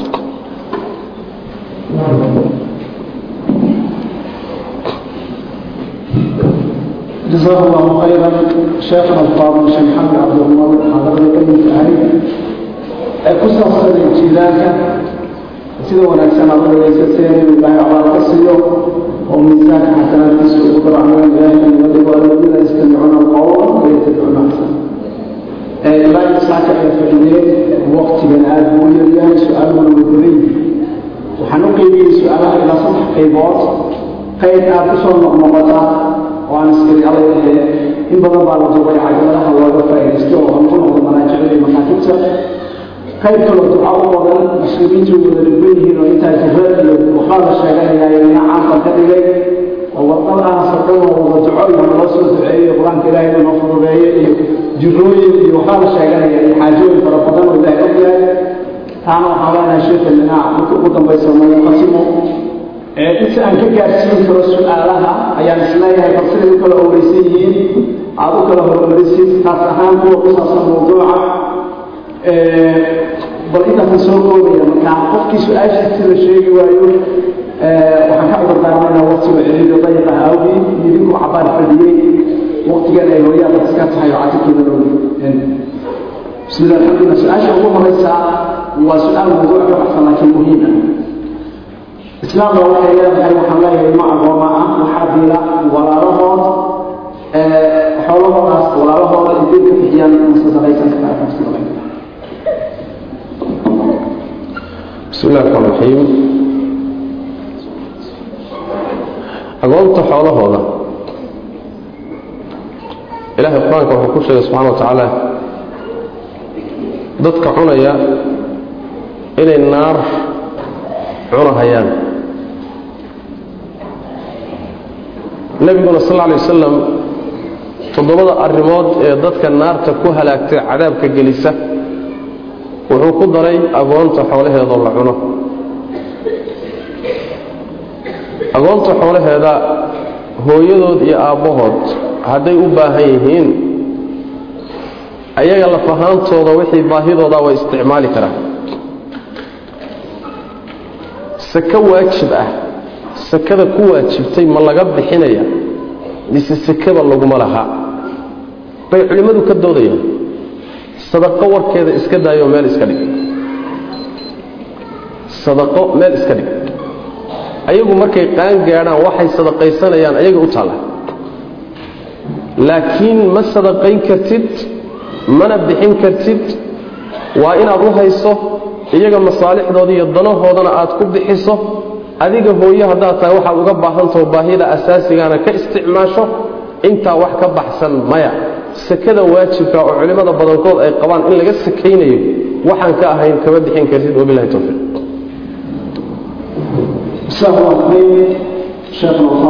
su'aasha xigtahay iyana mawduuc bay baxsan tahay laakiin waa muhiim islaam dhimatay haweeney baa dhimatay waxay ka tagtay dahab ay leedahay waxay u dardaarantay afar gabdhooda iyadu dhashay. Ma haweeney gabdho leedahay islaamta dhimatay marka waxay u dardaarantay afar gabdhood ee dhashay iyo gabadha iyadu dhashay oo dhimatay afar gabdhood ay sii dhashay marka arrintaasi maxay shareecada ku qabtaa xagga dhaxalka bismi llahi raxmaan afarta gabdhooday dhashay umana dardaarmi karto waxay u dardaarantayna waa khalad. Lianna dadku hadday dhaxalka wax ku leeyihiin looma dardaarmo in allaha acطaa kula dii xaqin xaqahu falaa wasiyata liwaarid bu nabg sal slm ilaahay cid walbo xaqle xaqiisa waa siiyey ruux dhaxalka wax ku leh looma dardaarmi karo dardaaranna ma laha buu nabigu uri salawatu rabbi waslamu calayh afarteeda gabdhood marka dhaxalkeeday wax ku leeyihiin sidaas dardaaran sidaa darteed dardaarankay u dardaarantay waxba kama jiro meeshaa laga saaraya laakiin carruurtay gabadheedu dhashay oon dhaxalka wax ku lahayn baa dardaarankoodii la siinayaa iyaga. Kuwanay dhashay dhaxalkay leeyihiin laakiin kuwaan dhaxalka wax ku lahayn waa gabadheedu carruurtay dhashay. Kuwaasi dardaarankay u dardaarantay waa sax waana la siinaya waxay u dardaarantay laakiin maxay dardaarmi kartaa maxaynaysan dardaarmi karaynin? Xoolaheeda ama dahab ha ka tagto ama dhar ha ka tagto ama lacag ha ka tagto ama badeeco iyo guryo ha ka tagto xoolaheedoo dhan marka laysku daro saddex meeloodna loo qaybiyo meel ka mida unbay dardaarmi kartaa. Meel ka mida iyo wixii ka yar. Wixii ka siyaadsan oo labada meeloodee kale ah maba dardaarmi kartaba. Dadka dhaxlayaa iskale iyadana. Marka saddex meelood meesha hadday u dardaarantay carruurta ay iyadad u tahay gabadheed u dhashay waa la siinaya amaa gabdhaheeda dardaaranka ay u dardaarantay waxba kama jiraysa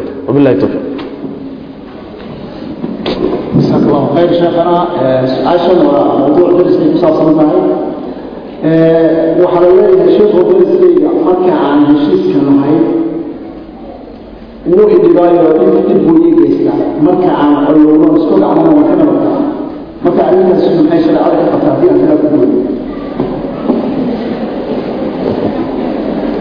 bismi illahi raxmaan shaydaan baa kugu akriya warkaas. Wax jirana ma aha. Markaan la heshiiyana dhib baan kala kulmaa markaan la coloobana dhibaatada iga daystaan. Wax jira maaha adigaa iska dhaadhiciyey oo sawirkaa qaatay. Bini aadamka dabeecadduu leeyahay waxay tahay mar walbood u ixsaanfashood u dulqaadato xataa hadduu xun yahay wuu isku yaxyaxaya. Waa uun waxaan is leeyahay waa arrin la doonayo in loogu marmarsoodo dariska sidii loo goyn lahaa. Laakiin wax soconaya maaha dariskaagu waa laba mid hadday kuu fiican yihiinna alxamdu lilah hadday ku dhibayaanna haddaynu soo marnay ha goynina dhibkooda u dulqaado. Soomaynaan soo mari haa dhibkooda u dulqaado ha goynin. Ayagoo ku dhibaya si aad u noqoto labadii saddexdii ilaahay jeclaa mid ka mida dhibkoodana u dulqaado hana goynina u ixsaanfal ayagoo ku dhibaya. Wabilahi towfiiq su'aashani waxay ku saabsan tahay dadkaas qaba sheikow ninkayga iyo waalidkayga waa haweenaygana waxaa ninkayga iyo waalidkayga keebaa xaq awaamirta ay bixiyaana haddii diintu ogashahay kee hormaraya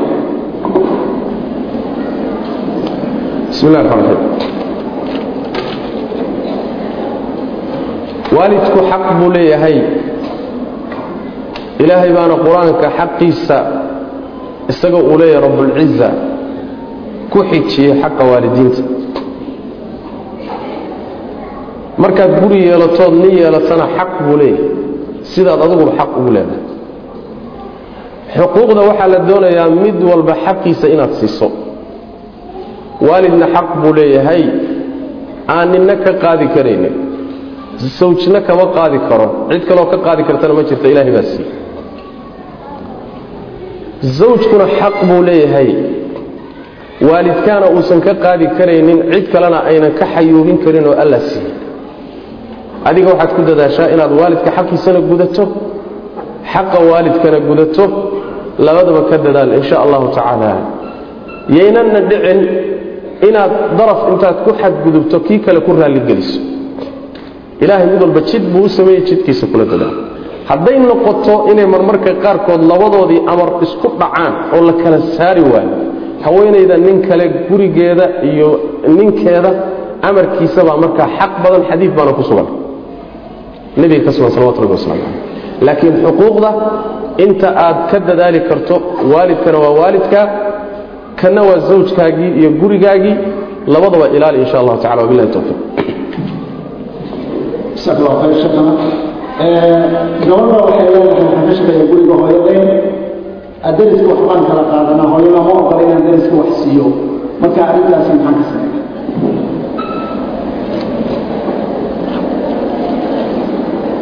bismi illahi raxmaan hooyadaa diidan in dariska aada wax siiso. Hooyo fiican maaha hooyo fiican maaha haddaad maqlaysay hooyada aan dariska u fiicnayn inay ahlu naar tahay. Sidaas daraaddeed hooyo u naseexee oo fahansii xaqa laydinku leeyahay. Oo duruusta noocan oo kalea intaad sii qaaddo u gee dariska xidhiidhintiisana ha goynin. Waxyaabaha yaryarka ah alla subxaana wa tacaala markii fii suurati almaacuun soo garan maysaan? Ara'ayta aladii yukadibu biddiin fadalika aladii yaducu lyatiim walaa yaxudu cala طacaami اlmiskiin fawaylu lilmusalliin aladiina hum can salaatihim sahwuun naar iyo halaag waxaa iska leh kuwa tukadee salaadooda halmansan. Ee u tukanaya istustuska iyo hal lagu sheego. Wayamnacuuna almaacuun maacuuntana diidaya oo dariska iyo dadka mudan u diidaya waa ahlu naar. Maacuunta waxaa laga wadaa waa kaalmada. Dariska loo kaalmaynayo dadka loo kaalmaynayo alaabta yaryarkaa la kala qaadanayo la kala ergisanayo. Marka hooyo insha allahu tacaala waxu sheeg waani u naseexee dariskana xidhiidhi inta tabartaada ah oo ha goynin wabilahi towfiiq jazakallahu khayr sheekana su'aashani waxay ku saabsan tahay soonka. Waalidkay oo intayna ka soomi karaa oo miyaan ka soomaamise waxbaan ka bixiya haddii soon lagu lahaa ay jireen nebigu sal lla alay wasalam waa xadiis saxiixa kaga sugan fi saxiixayn inuu yidhi man maata wa calayhi siyaamun saama canhu waliyuhu ruuxii dhinta isagoo saan soon lagu leeyahay waxaa ka soomaya weligiisa. Weligu waa ruuxa u dhoweey sokooyihiisa. Ilmihiisa ka soomaya qaraabadiisa ka soomaysa. Marka haddii waalidka uu soon lagu leeyahay ku dhintay waad ka soomi kartaaye ka soon insha allahu tacaala. Xadiidka nabiga ayaa daliilu ah. Wabilahi towfiiq dad waxaa jira sheekoo guriyadii la degan oo isla kiraystay. Qof ka mida haddii uu damco inuu ka guuro gurigii ee uu qof kale lacag ka qaato qofkii dariska ahaa ee hore u deganaayo qofkaas hore dariska ahaayeen qofkuna raalli ka ahayn laga keeni karaa anigoo maslaxa iigu jirta inaan qofka lacag ka qaato ka guuro gurigi bismi illahi raxmaan raxiim xadiidka bukhaariyo muslimba ku yaalla ayaa nebigu wuxu uhi sal lay waslam aljaaru axaqu bisaqabihi. Darisku isagaa u xaqnimo leh xuquuqda kala dhaxaysa dariskiisa kale. Wixii kala dhaxeeya markuu wareejinayo dariskiisaa u xaqnimo leh. Bimacnaa waxa weeye guri baa idinka dhaxeeya deegaan baa idinka dhaxeeya adigii inaad guurtaa damacday inaad meeshii wareejisaa damacday inaad iibisaa damacday. Ruuxa ugu horreeya xaq u leh inaad ku wareejiso waa ruuxii kula wadaagahayee wada deganaydeen. Haddaad adoon u sheegin intaad gacan dhaafto ruux kale soo geliso khaladna waad gashay iyo dembi. Midda labaad weeye xaq wuxuu u leeyahay kan aad meesha soo gelisay wixii aad ka qaadatay intuu u celiyo inuu bannaanka u saarana xaq buu leeyahay sharciyada islaamka. Leanna waa xaqiisa wa hadday iib tahay isagaa kaa iibsan. Hadday kiro tahay isagaa kaa kiraysan. Leanna waxaa laga taxadarayaa ruuxan dariska ah dad barri ah isdhibi doonaan ha u keenin.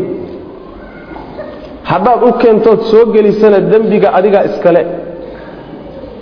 Isaguna xaq waxay shareecadu u siinaysaa inuu intuu iska saaro wixii la wareego waxoodii u celiyo adigii sidaa sameeyeyna khalad baad shareecada ka gashay dembina waad gashay. Waxaa la doonayaa isaga u tag waxaad tidhahdaa warniyo guriga waa wada deganeen aniguna waa guurayaa. Maygala wareegaysaa. Wixii ha kuu celiyo isagu ha la wareego ciddii isagu uu keensanaya ha keensado markaa hadduu yidhaahdo kaala wareegi maayo oo uu ku fasaxo markaa kadib keenso ciddii kale kaala wareegayso. Saasay shareecadu qabtaa wabilahi towfiiq su'aasha waxay ku saabsan tahay soonka badanaa dumarka uurka leh marna marna ilma hanuujiya marka waxay leedahay dhowr bilood dhowr sano ayaa waxay igu gaargaareen marna aan uur leeyahay marna aan weylo nuujinayo marka sababo badan baa layga yeeshay mana gooni karo bismi illahi raxmaan raxiim sunna abu daawuud waxaa ku yaalla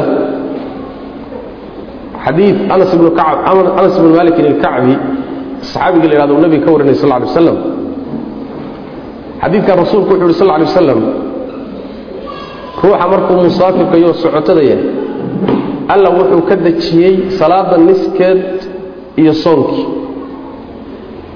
haweenaydu markay uur leedahay ama ilmo nuujinaysana alla wuxuu ka dejiyey soonkii xadiidkaasi waa xadiid sugan soonka markay inay iska afuri karto bisha ramadaan hadday uur leedahay ama nuujinayso xadiidkaasaa ku cadoo hadal kama joogo iyada laakiin waxaa la isweydiinayaa ha afurtee gadaal maxaa laga rabaa oy la imaanaysaa ilaa afar shan ra'yi baa ku jira culimmadu kusuu kala tagsan yihiin. Qaar waxay leeyihiin raashiin baa laga rabaa qaar waxay leeyihiin qallaa laga rabaa qaar waxay leeyihiin qalli iyo raashiin baa laga wada rabaa qaar waxay leeyihiin waxbaba lagama rabo. Waaba laga saamaxayoo waaba iska socotaaba. Intaasoo ra'yi bay ugu kala tageen. Sida marka ixtiyaadka iyo dadaal ku jira waxay tahay culimmada badankoodna ay marayaan hadday soomi karto qallayn karto ha qallayso. Hada axwat lidiiniha sidaasaa dadaalku ku jiraa hadday soomi kari weydo oo soonku ku adkaado sida hadda haweenka isku nuugga ah ee maalan sanadna uur leh sanadna nuujinaya. Wakhtigu ku daba dheeraado. Ay adkaato markaa inay soo qalleeyaan toban sano kow iyo toban sano siddeed sano inay soo qalleeyaan ku adkaato. Xaaladaasoo kaleo xarajkaasa markay gaadho maa jacala calaykum fi ddiini min xaraj weeyo? Ra'yigii dhahayay markaa cunto ha bixiso ha qaadato. Saxaabada qaarkood bayna ka sugan tahay oo qaba inay raashiin keliya bixiso qaarkoodna waxbaba laguma leelaya cabdulaahi bni cumar iyo cabdulahi bni cabbaas bay ka sugan tahay inay yidhaahdeen waxbaba laguma lah ninka la yidhahdo isxaaq ibnu rahwiya fuqahada ka midana wuu ku raacay. Marka haddii ay xaalad adagoo sidaasoo kale haweentu gashoy ku adkaato inay dib ka qallayso markaa raashiin ha bixiso. Laakiin intay muddadu yar tahay aynan awoodi karta inay qallayso. Ha qallayso saasaa diin ahaan u fiican oo ixtiyaadka iyo dadaal ku jira. Wabilahi towfiiq su'aashan salaada ay ku saabsan tahay sunnada ah rakacdaha afar afarka ee sunnooyinka sida afarta duxada ama afarta casirka ka horeysa ama afarta duhurka ka horeysa oo kale ma la xiriirin karaayo afartii ragcadood inta ataxiyaa loo dhexaysiiyo ma la wadi karaa sida salaada duhur bismi raxmaan raxiim xadiid baa ku sugan oo nebigu sheegay sal lla lay waslam in la wada tukan karo oo afarta ragcadoodba laysku xidhi karo laakiin ataxiyaad u dhexaysiin maysa ataxiyaadka ugu dambeeya unbaa tukan laakiin ataxiyaad dhexdaa kuma jiro. Qaabkaa waa loo tukan karaa wayna sugantao nebiga waa ka sugantahay sal lay waslam wabillahi tawfiq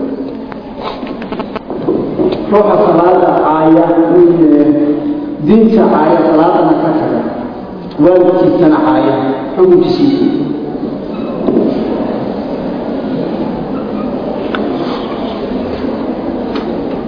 wuxuu isku darsaday ruuxaas laba sababood oo mid walba lagu gaaloobo. Waa midda koowaadee salaadda ka tegitaankeedu waa gaalnimo oo tegitaanka ilaahay salaadiisa uu ka tegay wuu ku gaaloobay. Qur'aankuna daahirkiisa waxaa ku cad in taariku salaadku gaal yahay. Axaadiista nebiguna nas bay ku tahay taariku salaadku inuu mushrikna yahay kaafirna yahay. Ijmaacii saxaabaduna sidaasuu ku guntamay oo saxaabadu way isku waafaqsanaayeen taariku salaadku inuu gaal yahay.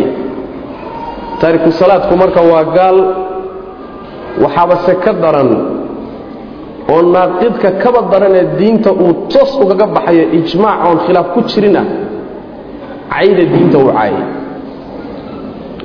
ruuxii diinta caaya ama allah caaya ama malaa'igta caaya ama nebiyada caaya ama kitaab ilaahay caaya muqadasaadka waaweyn ruuxii caayo oo cay ula badrheedha daqiiqadaas buu islaamnimada ka baxay. Daqiiqadda iyada ah buu islaamka bannaanka ka jooga waa murtad. Itifaaqa culimmadaa ku dureersaday laba ninoo culimmada ka mida iskuma khilaafsanee waa lagu kulansan yahay masalada iyada. Qur'aankuna saasuu ku tusaya haddii nimankii nebi moxamed saxaabadiisa wax ka sheegay alla uu ku yidhi qul abillaah wa aayaatihi wa rasuulihi kuntum tastahzi'uun laa tactadiruu qad kafartum bacda iimaanikum. War ma allaah iyo rasuulkiisa iyo aayadihiisaaad ku jeesjeesaysaan ood ku ciyaaraysaan? Waxbaha cudurdaaranina waad gaalowdeen baa layidhi masaladu marka walaalayaal masalo fudud ma aha. Soomaalida waxyaabaha ilaahay u halaagay oo colaadda ugu salliday oo shisheeyaha ugu salliday oo dhexdooda isugu sallidayba waxaa ka mid a waagay dowladdu u dhisnayd. Ilaah cayga iyo diin caygu waxay dhallinyaradu ku ilbaxday ahaan jirtay. Dadka kalena kamayna danqan jirin ilaahay subxaana wa tacaala waxyaabaha uu ciqaabta inoogu riday bay ka mid tahay. Ruuxii la arko isagoo ilaaha iyo diinta caayaya hala dilo kaas. Ruuxii dilo kau ka siiyaaya dhiiggiisa looma haysto. Dhiiggiisa looma haysto. Waa murtad. Hadduu gabadh muslimada qabo markaasay ka furanta. Hadduu dhinto isagoon toobad keenin qubuurta muslimiinta lagu aasi maayo masjid ilaahayna la keeni maayo salaatu janaaze lagu tukan maayo. Bakhtigiisa meelahaasaa layskaga fogaynayaa. God meelahaasa inta lagu qodaa lagu tuurayaa gaalka isagaa ka daran gaalnimadiisu iska cada sidaas daraaddeed aad ha looga taxadaro arrimaha noocaasoo kale ah. Haddana wuxuu ku darsaday diin caygii iyo taariku salaadnimadii inuu waalidkii caayo.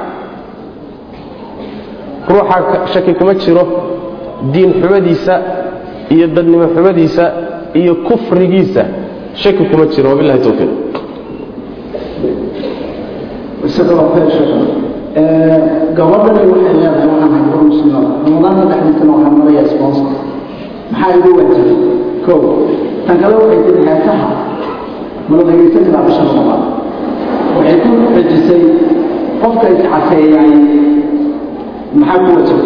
ama laba dhowr oo isbaraya bismi illahi raxmaan raxiim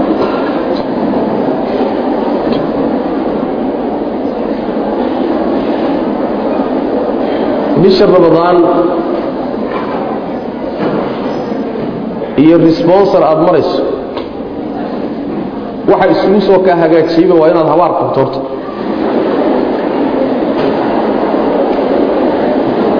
ilaahay subxaana wa tacaala allihii ku abuurtay ee waajibka kugu lahaa kuna dili doona kuna la xisaabtami doona qabrina ku gelin doona. Aada hor istaagi doonto adoo keligaa resbonsarna uusan jirin qaraabana ayna jirin xoolana ayna jirin adoo qaawan aada hor tegi doonto ka baq baan ku dhihi lahaa. Dantaadana garo. Cibaadada ilaahayna subxaana wa tacaala ha ku ciyaarin. Waddan gaalo oo mamnuuca oo kufri ah oo kufriga kii ugu weynaa ah aadiddiisa baad cibaado ilahay ugu ciyaari miya? Cuquubada kaa raacda hadday weligeed ku daba socon weydo hay warsanni aniga. In badan oo muslim ahaa oo islaamnimo sheeganaya oo dhaqamada noocaasoo kalea intay ku kaceen maanta ilaahay iimaankiiyo diintii intuu ka xayuubiyey ayagoo murtadiinoo gaalo ah meelaha taagtaagan baa badan. Aad baad halis ugu jirtaa waxaa markaad ka doorbido ilaahay cibaadadiisao soonka ku ciyaarto responsor daraaddii aad baad khatar ugu jirtaa rabbi inuu kaa argoosto subxaana wa tacaala argoosiga ilaahayna nafsigiisu inuusan daahin baa dhici karta oo adduunka lagaaga argoosto ilahay ka baqbaan ku dhihila masalada labaad. Heesaha lama dhegaysan karo muusigana lama dhegaysan karo. Ama soon soomanow ama ha soomanaane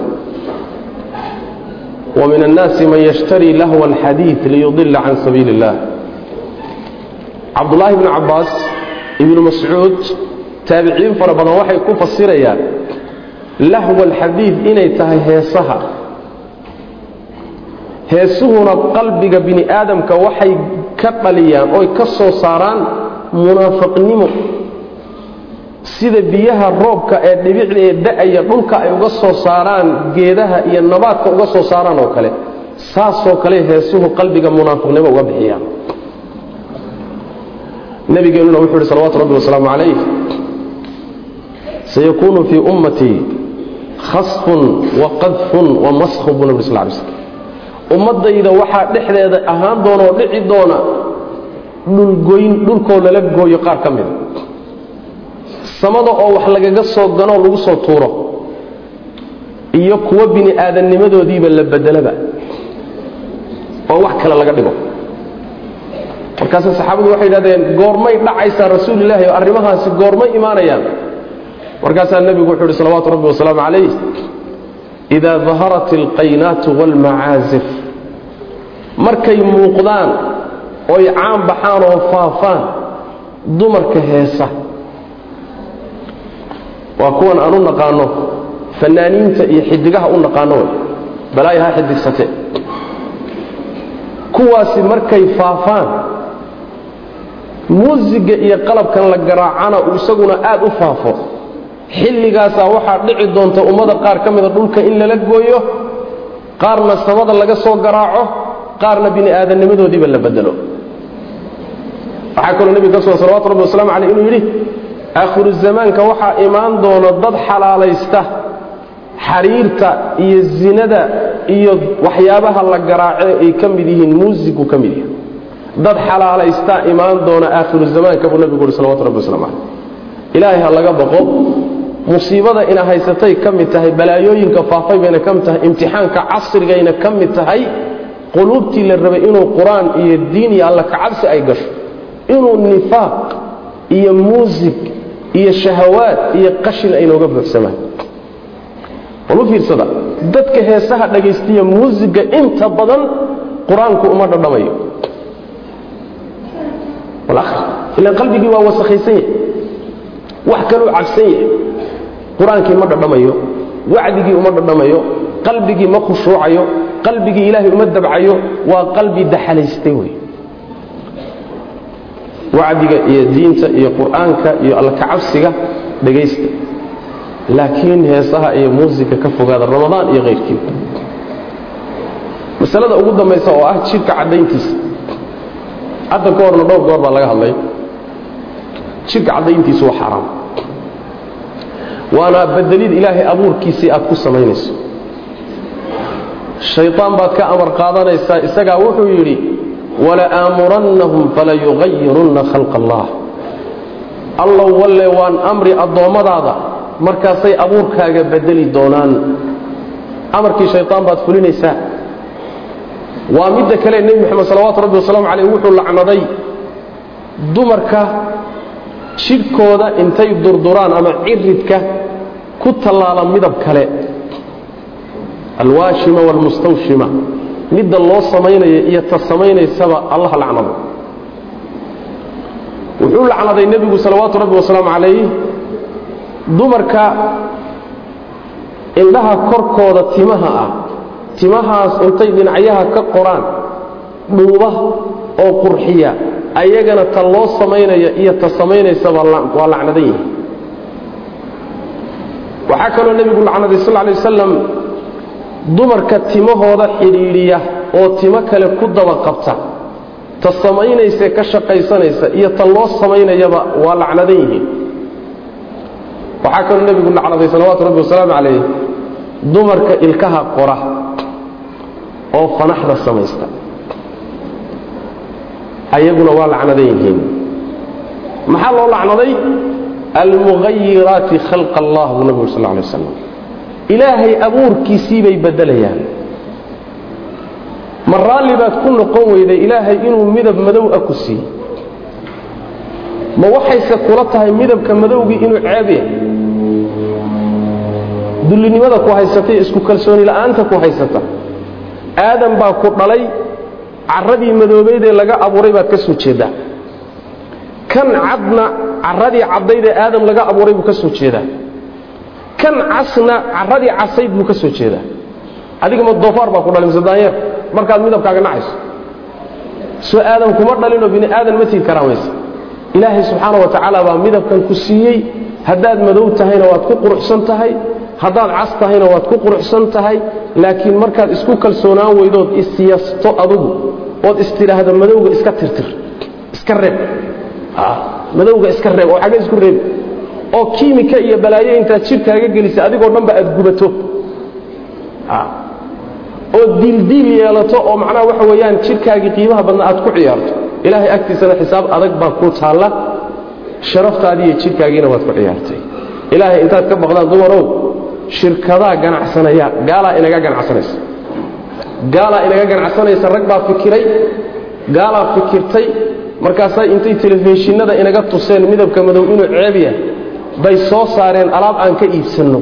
Markaasaa layna yidhi tan iskaga tirtira madowga madowga tan iskaga tirtira. Waa ganacsi. Markaasaan annagiina la qaadannay. Waa laynaga faa'iidey intaasoo goor baa laynaga faa'iidayaa. Aakhiradeenniina waan gadannay. Ilaahay subxana wa tacala intaan ka baqno ha layska daayo waxyaalaha noocaasoo kale ah ku kaaftooma ilaahay wuxuu qayb idiin siiyey oo midabka alla idiin siiyey raalli ku noqda wabilahi towfiiq khayr sheekhana su'aashan waxay ku saabsan tahay soonka gabadha waxay leedahay waxaan ku qaangaaday labiyo toban sano dadkuna waxay badanaa yidhahdaan shan iyo toban sano ayaa laga qaangaadaa marka saddexdaas sano ee cimrigayga ka hor aan qaangaaday wejiga qaangaarina ka hor aan qaangaaday miyaa lagu leeyahay soonka waxaas bismi illahi raxmaan raxiim haddaad labiyo toban sano ku qaangaadhay waad qaangaadhay wax kuu laaban ma jiro. Labiyo toban sano haddaad ku qaangaadhay qaangaadh kuu laabani ma jiro. Waxaa lagu qaangaadhaa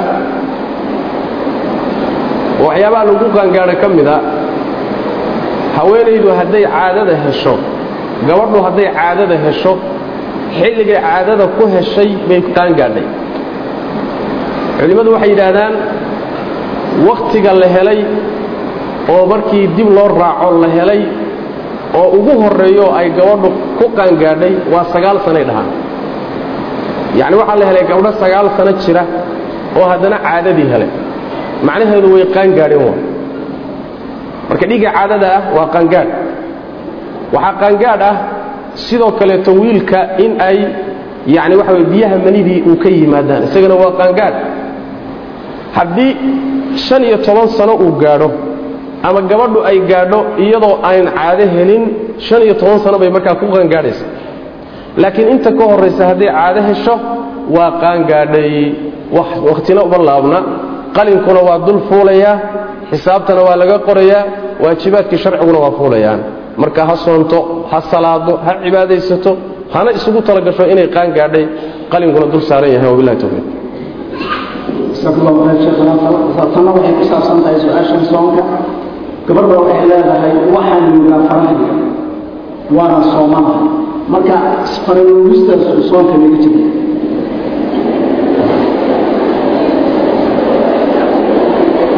bismi illahi raxmaan raxiim carruurta yararkaa baan ku ogeyn inay faraha nuugaane dumarka waaweynna ma nuugaan. Nuugidda faraha soonka ma jebinayso. Leanna waxaa keliya ka imaanaya waxa weeye farta marka la nuugayo waxa aad liqaysaay waa uun candhuuftaadii waay.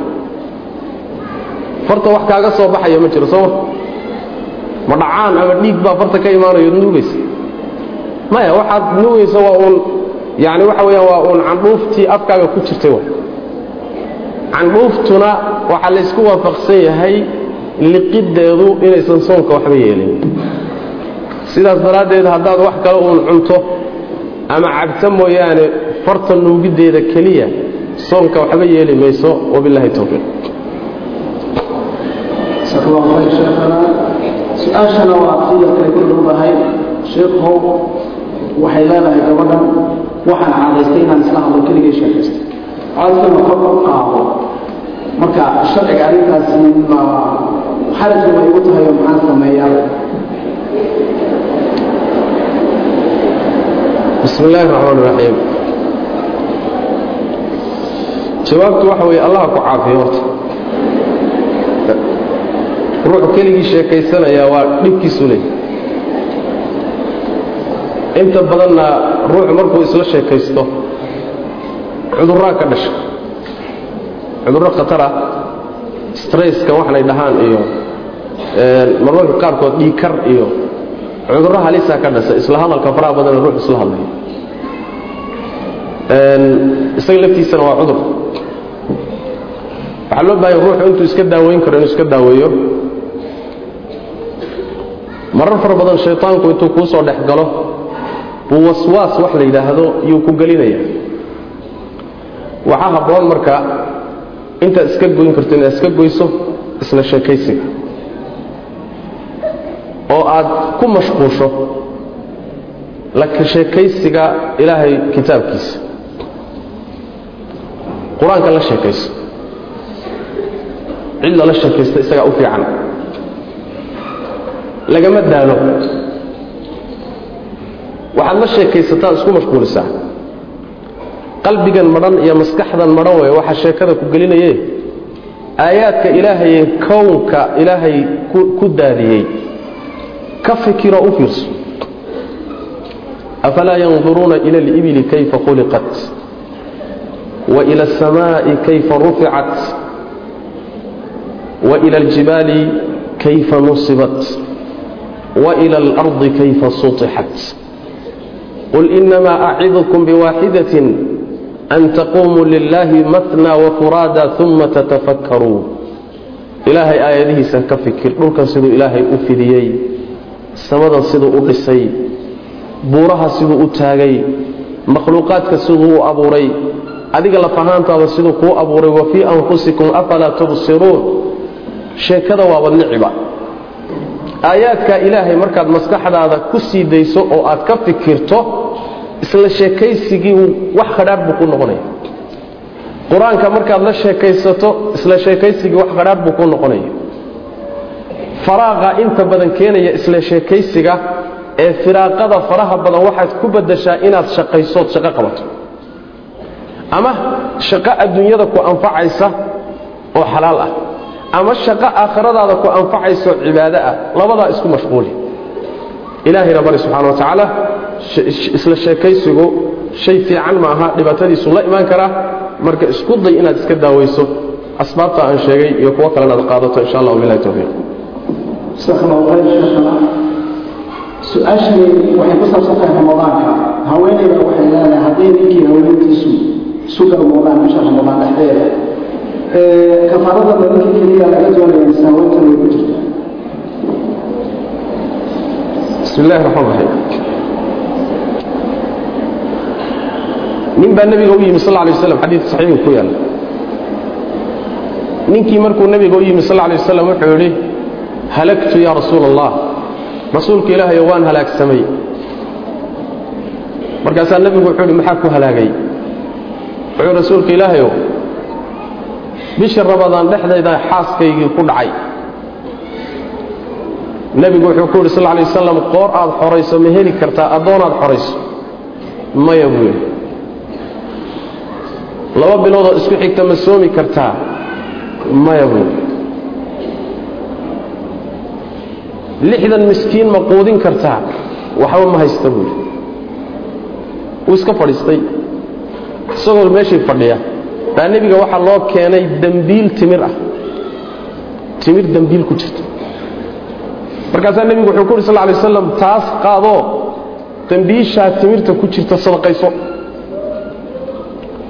Markaasaa wuxuu yidhi oo rasuul ilaahay oo magaalada madiina reerkayga reer ka baahi badan maba deganee yaa iga baahi badanoon ku sadaqaysan buuri nebigu intuu qoslay buu sal lay slam wuxuu yidhi waa yahay reerkaaga sii.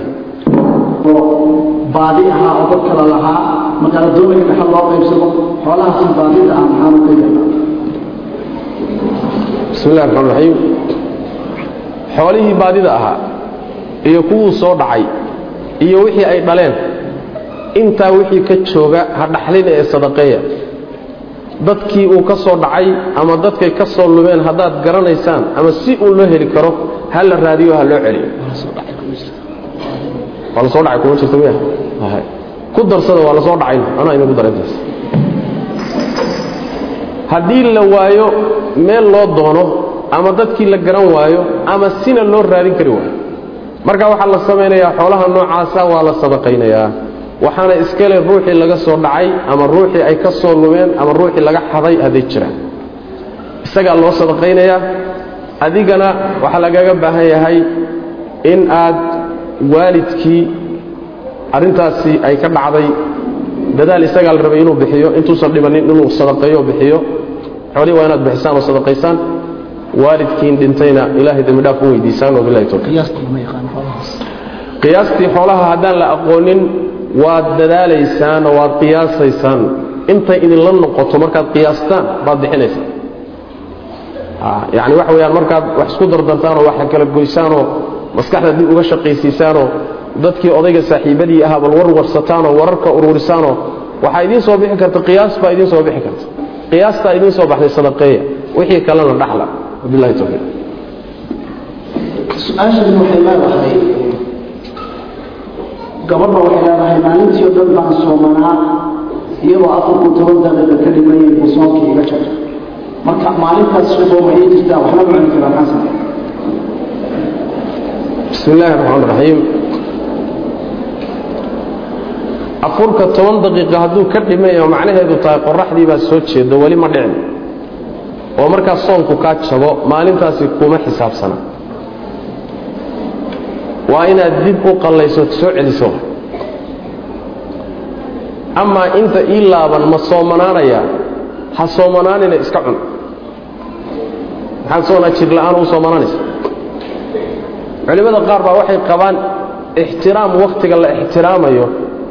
Ha soomanaato cuntada ha iska dayso dadka ha la afurto. Laakiin shareecada laguma hayo nusuusta laguma hayo. Wax la yidhaahdo ruux aan soonkiisu cibaado ahayn oon shaaricu u qoraynin iska soomanow ma jirto.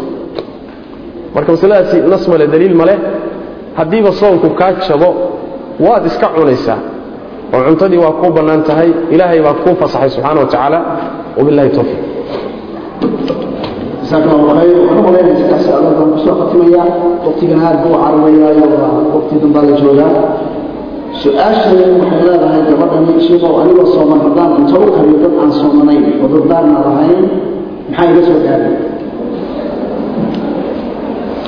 allah subxaana wa tacaala qur'aanka wuxuu ku yidhi walaa tacaawanuu cala alismi waalcudwaan ha isu kaalmaysanina gacanna ha ka geysanina dembiga iyo xadgudubka.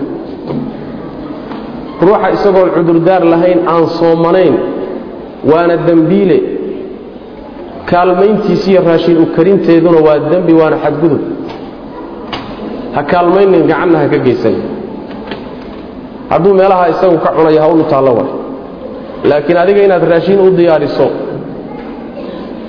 adigaa gacan ka geystay khaladkii iyo dembigu ku jiray wabitaali qayb baad ku yeelanaysaa dembigaas hadduusan cudurdaar hadduu cudurdaar leeyahay musaafir iyo socoto yahay ruux xanuunsanaya yahay haweenka uur kale ama nuujinaya la fasaxay ay yihiin maalan dadka noocaasa dadka da'deed duqoobeen soomi karin dadka ruksada haystee shareecadu u fasaxday waa loo karin karaa dhibaato male laakiin ruuxaan cudurdaar u haysanin inuu afuro raashiin ha u karin hana kaalmaynin wabilahi towfiiq gabadhan imika leedahay sheikhu hadday gabadhi u qubac ku xaadarayso niman ay ku aragto khalad codkeedaasi noqonaya mid cawracmaysa la ogolya bismi llahi raxmaan raxiim hadday u muxaadarayso macnaha ma sidan aan idiin horfadhiya u soo horfadhiisatay mise qaab asturan ba wax ugu sheegtay haweenaydu rag sidan sidiinan oo kaleeto rag u fadhiya intay manasada soo fadhiisato halkan oo kale ugama muxaadarayn karto. Waxaase waa dhaqanka gaalada ka soo jeeda iyo dadka gaala raacyada kuwa xataa wadaadnimo sheeganayaa jiro gaaladaa isaga ta'afuray oo le gaala haweeney baa muxaadaro bixinaysa. Markaasay haddana asturnayn oo qaawanta waxaa laga yaabaa kun nin dhowr kunoo nin inay soo hor fadhiisato ma ayadaa la daawani mise darsigeeda la dhegaysani ya dabeecadda ilaahi subxaana wa tacaala bini aadamka uu ku abuuray waxaa ka mid ah labadan jinsi oo ragga iyo dumarka ah isu imaadkooda nooc jaadibiye abuu alla geliyey subxana wa tacaala waa midda keentay in la yidhahdo haweenaydu ragga ma tujin karto. Waa midda keentay in la yidhaahdo raggu dumarka dumarku safafka dambe ha tageen. Si loo ilaaliyo cibaadadii loo ilaaliyo oon ayna isugu fitnoobin labadan jinsi. Marka hadday noocaa tahay waa nooc khaldan wax dhacayna ma aha wakhtigii salafka ummaddu waxay taqaanayna ma aha. Waxaa la aqoon jiray saxna ay ku noqon kartaa. Haddii gabadha muslimadii ay dad khaldan aragto rag khaldan aragto wax way u sheegi kartaa wayna u naseexayn kartaa. Laakiin waa inay asturan tahay hadday suuroobi karto min waraa'i xijaab ay kala hadasho haddii kaleeta ay tahay wada joog caabir ah ayadii waa inay asturan tahay quyuudda noocaasoo kale ah cid kaloo hawshaa qaban karta waa inayna jirin taqriiban dumarkii saxaabada ah ridwaanullaahi calayhim caaisha iyo xafsa iyo dumarkii saxaabada ummu salama iyo ummu sulaym iyo cilmigii ay nebiga ka xambaareen sal lla lay wasalam ragguna waa ka qaadan jireen dumarkuna waa ka qaadan jireen. Laakiin aadaab baa lagu qaadan jiray xishmad iyo xishood iyo aadaab iyo nidaam baa lagu qaadan jiroo dumarku ay cilmiga ku gudbin jireen ragguna kaga qaadan jireen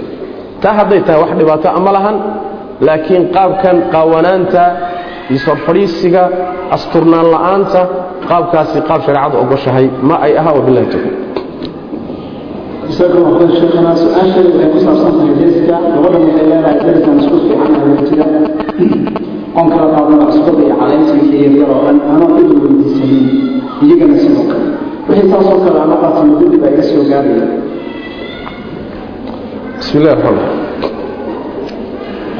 wixii mucaamalo ah ee noocaasoo kale ah ee derisku kala qaato isuna ogol yihiin raallina isaga yihiin wax dhibaataa ma leh. Hadda sumayna sheegaya inaad diiddood celisood deriska u diiddaabaa naar ah wayamnacuuna almaacuun soo mahay maxaa la doonayaa sii baa lagu leeyahy deriska. Adiguna ka qaado noloshu kala bedelashadaasay ku socotaa ayagiiba maadaamay raalli ka yihiin adiguna raalli ku tahay. Wax dhibaataa male milix ha noqoto caleen ha noqoto. Wixii la kala qaadanayo laysa siinayo la isticmaalayo waa deris wanaagga iyo wanaagga la isdhaafsanayay ka mid tahay. Wax mushkila ana ma inaan uun la kala xadin baa muhiim inaan la kala xadin ama khalad lagu qaadanin ama idan la'aan lagu qaadanin baa khalad ah. Laakiin haddii lays raalli laysaga yahay wax dhiba ma laa ta'kuluu amwaalakum baynakum bilbaطil ila an takuna tijaaratan can taraadin minkum laa yaxilu maalu mri'in muslimin ila can tiibi nafsi bu nabr sal lay slm ruuxa muslimka xoolihiisu xalaal ma ilaa inay naftiisu raalli ku tahay mooye. Hadday naftiisu raalli ku tahay dhib male wabilahi towfiiq su'aasha ugu dambaysa ku soo gabagabeynaya mawduuceeni maanta soo tagnaa waxay tahay sawdadka ama codadka telefoonada. Waxaa in badan maqatay in telefoonada music iyo marka sheekuna wuu maqlayseen marka dad baa waxay codsanayaan ay leeyihiin sheekh oo ka waran telefoonada ku xidhan qur'aanka oo kale markuu soo dhacayo iyo aadaanka ama maxaan ku rahdaye anaashiiqa islaamiga ah iyo kuwa heesaha oo noo kala cadeeyo. Bismi illahi raxmaan raxiim qur'aanka haddii la yidhi muusiga iyo heesaha iyo ha laga fogaado macnaheedu ma aha qur'aanka in la ihaanaysto qur'aanka ilaahay wuxuu u soo dejiyey kitaabun anzalnaahu ilayka mubaarakun maxaa loo soo dejiyey? Liyadabbaruu aayaatihi waliyatadakara ulu lalbaab inay aayadihiisa tadabburaan dadka cuquushoodu fayowdahayna ay tadakur ka qaataan oo ay ku camal falaan kitaabka qur'aanka ilahay wuxuu u soo dejiyey inaynu fahanno kuna dhaqanno akhrino kuna tadabburno laakiin uma soo dejinin in aynu qur'aanka ka dhiganno gambaleel ina baraarujiya. qur'aankii la yidhi waidaa quri'a alqur'aanu fastamicuu lahu waansituu qur'aanka markii la akhriyo dhegaysta oo u dheg raariciya ayaa waxaynu ka dhigannay intaynu gashanno muxuu ahaayey telefoonka. Markii telefoon la ii soo diro qur'aanow ibaraaruji ah, waxaad i tidhaahdaa telefoon baa kuu soo dhacay. Yaa ayuha nabiyu ittaqi illaah waad iska degin marka iga aamus. Telefoonkaa qabsanaysa. Ihaano ma tahay mise ihaano ma? Ah soo meel kaga dhac ku qur'aanka sidii gambaleelkii oo kale ibaraaruji markaad ibaraarujisana kuma rabe iga aamus aan dadka kaala hadle ilahay nugu dhaariye ma sax ba warkaas. Sax maaha sax ma aha. Qur'aanka ilahay uguma talagelin dikrigana looguma talagelin waana nooc ihaano ah. Meel kaga dhac weyn bay ku tahay qur'aanka. Qur'aanka ha u isticmaalina qaabkaas. Waxyaaba waxaa jira aan qur'aanna ahayn muusig iyo heesana aan ahayn oo ku baraarujin karo iska mubaaxaad. Digaag ciyahaya gasho. Ilmo yaroo qoslahaya gasho. Hadala adugu ku duubatay gasho. Gambaleel yaroo dhacaya gasho. Waxyaala badanoo iska mubaaxaadaa jira oon dembina kaa soo gaadhayna adduunyadaada kuna baraarujinaya diintaadiina aan meel kaga dhac ku ahayn. Maaha inaan marna hees ku odhanno marna qur'aanka ku odhanno wax u dhexeeya ma jira miya qur'aanka walaalayaal ihaanay u tahay ha laga daayo. Qur'aanka ayaan loo isticmaalin kadalika dikriga ilaahay iyo aadaanka iyo ha laga daayo. Ha laga daayo lianna aadaanka laftiisa nebigu sal lay waslam waa kii inoo sheegay markuu mu'adinku aadaamayo ka daba dhaha oo in la dhagaystaa la doonaya dikrigan ciyaar looguma talagelin. Annaga marka inaan qaabkaa u isticmaalno ma aha ha laga daayo. Waxyaabihii kale idin baraarujinaya u isticmaalo gashada wabilahi tawfiiq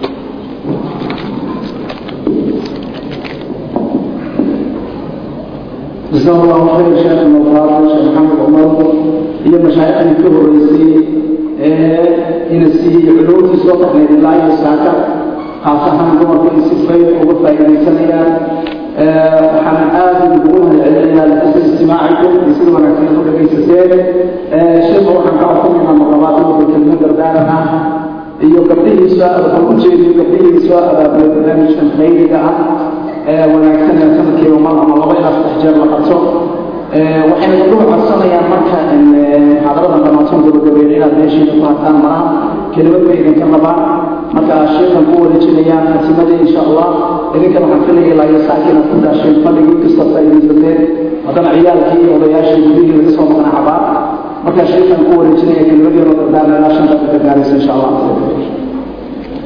بسم الله الرحمن الرحيم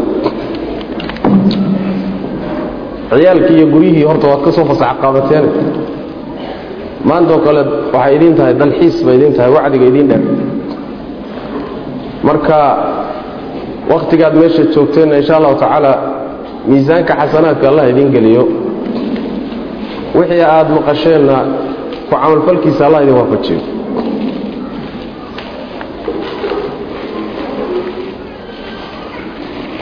annagoo ka intilaaqayna xadiidkii nebiga sal lay waslam man laa yashkur innaasa laa yashkur illaah ruuxaan dadka ku shukriyin oo wanaaggay dadku u sameeyeen aan uga mahad celinin ilaahayna kuma shukriyo subxana wa tacaala xadiidkaas annagoo ku salaynayna ayaa waxaan u mahad celinaynaa. Gabdhihii soo qabanqaabiyey brograamkan sanad walbana intaasoo goor inoo qabta qabanqaabadana iska leh. Hadda ka horna kulammadii hore een isugu imaanaynay marar badan baan idinku baraarujiyey mashruuca noocan oo kaleete ee dumarka muslimaadka ee soomaalida iyagu ay qabanayaan. Inuu yahay waxyaalaha aadka muhimka u ah loona baahan yahay inaad ilaalisaan. Sidii aad u sii siyaadin lahaydeenna uga shaqaysaan. Leanna waxaad tihiin siduu nebigu uri sal lay wasalam dumarku waa ragga jeexooda wey waa ragga jeexooda. Bimacnaa waxa weeyaan muhimadda iyo xilka ragga saaran xil la midaa saaran wixii markaan na soo reebay mooye. Si marka mashruucan qiimaha badan oo u sii jiro waa inaan gacan ka geysanno gabdhaha daarusunna iskuulkaana meesha ku haya. Mashruucan dumarkana dhowr goor inoo qabto sannadkii aad bay u mahadsan yihiin ilaahina subxana wa tacala miisaanka xasanaadka allah u geliyo. Innagana waxay inaga mudan yihiin inaan una mahad celinno mashruucana aan ku garab siinno oo aynu gacan ka geysanno intii ay suuroobi karaysa. Gabdhuhu waxay codsanayaan bisha shawaal ee ramadaan ka dambaysa. Baa waxay leeyihiin iskuulka ay hayaan ayaa dhul u baahan. Hadda ka horna wax loo ururiyey dhul in loo iibiyo u baahan yahay.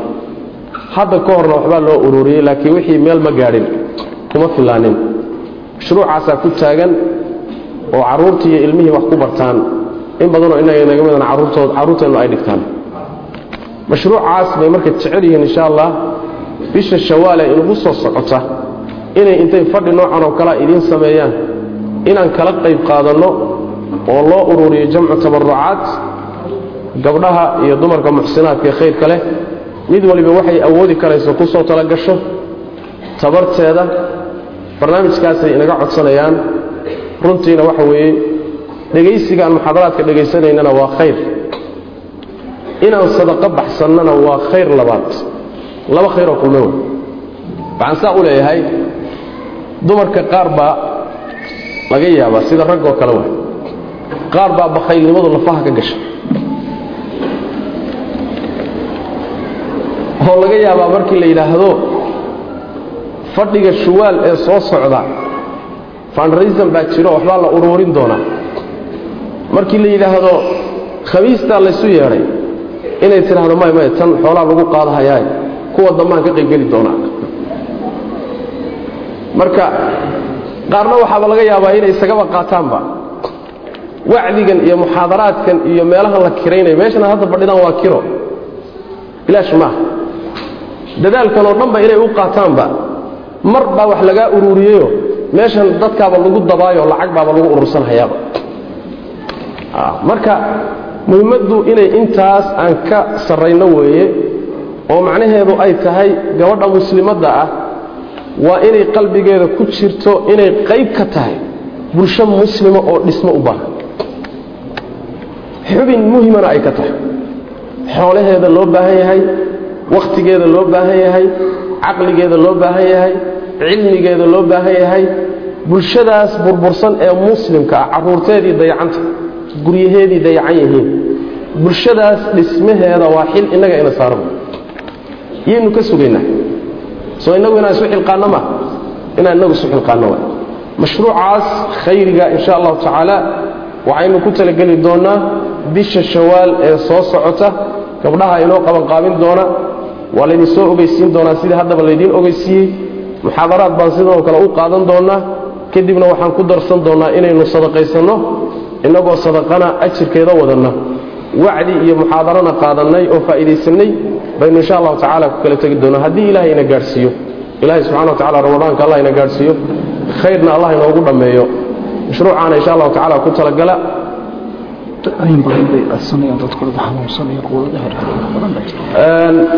intaasaan insha allahu tacala mashruuca aniga kaga baxayaa biidn illah ogeysiiskaas iyo mahadcelinta gabdhahaan u mahadcelinayo idinkana aad baad u mahadsantihiin ilahay idin barakeeyo ilaahay subxana wa tacala waxaan ka baryaynaa inta xanuunsanaysa ilaahay caafiyo inta jirana ilaahay subxana wa tacala caafimaad degdega allaha siiyo ilaahay jirada ha ka qaado intii muraad wanaagsan le ilahay muraadka ha u fududeeyo siduu ilaahay meeshan inoogu kulmiyo khayrka allah inoogu kulmiyo sharkana ilaahay subxaana wa tacala ha inaga sarfiyo. Ilahay waxaan ka baryaynaa subxaana wa tacaala inuu qabriga inoo nuuriyo inoona waasiciyo. Khaatimadana inoo hagaajiyo. Qiyaamadana kuwa carshiga harsada allah inugu daro. Jannatu firdowsana ilaahay abaalgud ha inooga dhigo subxaana wa tacaala. Ilahay waxaan baryaynaa inta luunsan inuu alla hanuuniyo. Inta luunsan allah hanuuniyo. Inta jahligu hayana ilaahay cilmi naafica siiyo. Camal saalixana allah ugu daro. Qur'aanka allah inoo fududeeyo camalkiisa akhrintiisa xifdigiisa ilaahay ha inoo fududeeyo ilahay waxaan ka baryay subxana wa tacala midkii inoo shafeeca allaha ka dhigo maalinta qiyaamadana ilahay waxaan weydiisanaynaa subxaana wa tacaala inuu addoommadiisa wan wanaagsan nagu daro noona naxariisto cadaabkiisana alla naga fogeeyo intaasi ayaan aniga kelimadeydii kaga baxay wajazaakum allahu khayran wasalaamu calaykum waraxmat ullahi wabarakaatu السلام عليكم ورحمة الله وبركاته walaalayaal maaddadatani waxaa idin diyaarisay maktabatu alhudaa sidoo kale maktabatu alhudaa waxaad ka heli kartaan kutubta ajladaha albumada qur'aanka tafaasiirta axaadiidta muxaadaraadka maqal iyo muuqaalba. Maktabatu alhudaa waxay ku taallaa ka soo horjeedka masjidka abubakar sidiiq sigis street ee xaafadda islii nairobi kenya wixii faahfaahin intaa dheer waxaad kula xidhiiri kartaan maktabatu alhudaa telefon namber eber eber laba shan afar toddoba labo labo hal hal hal hal lix lix ama piobox koob iyo toban afartan eber eber hal eber eber nairobi kenya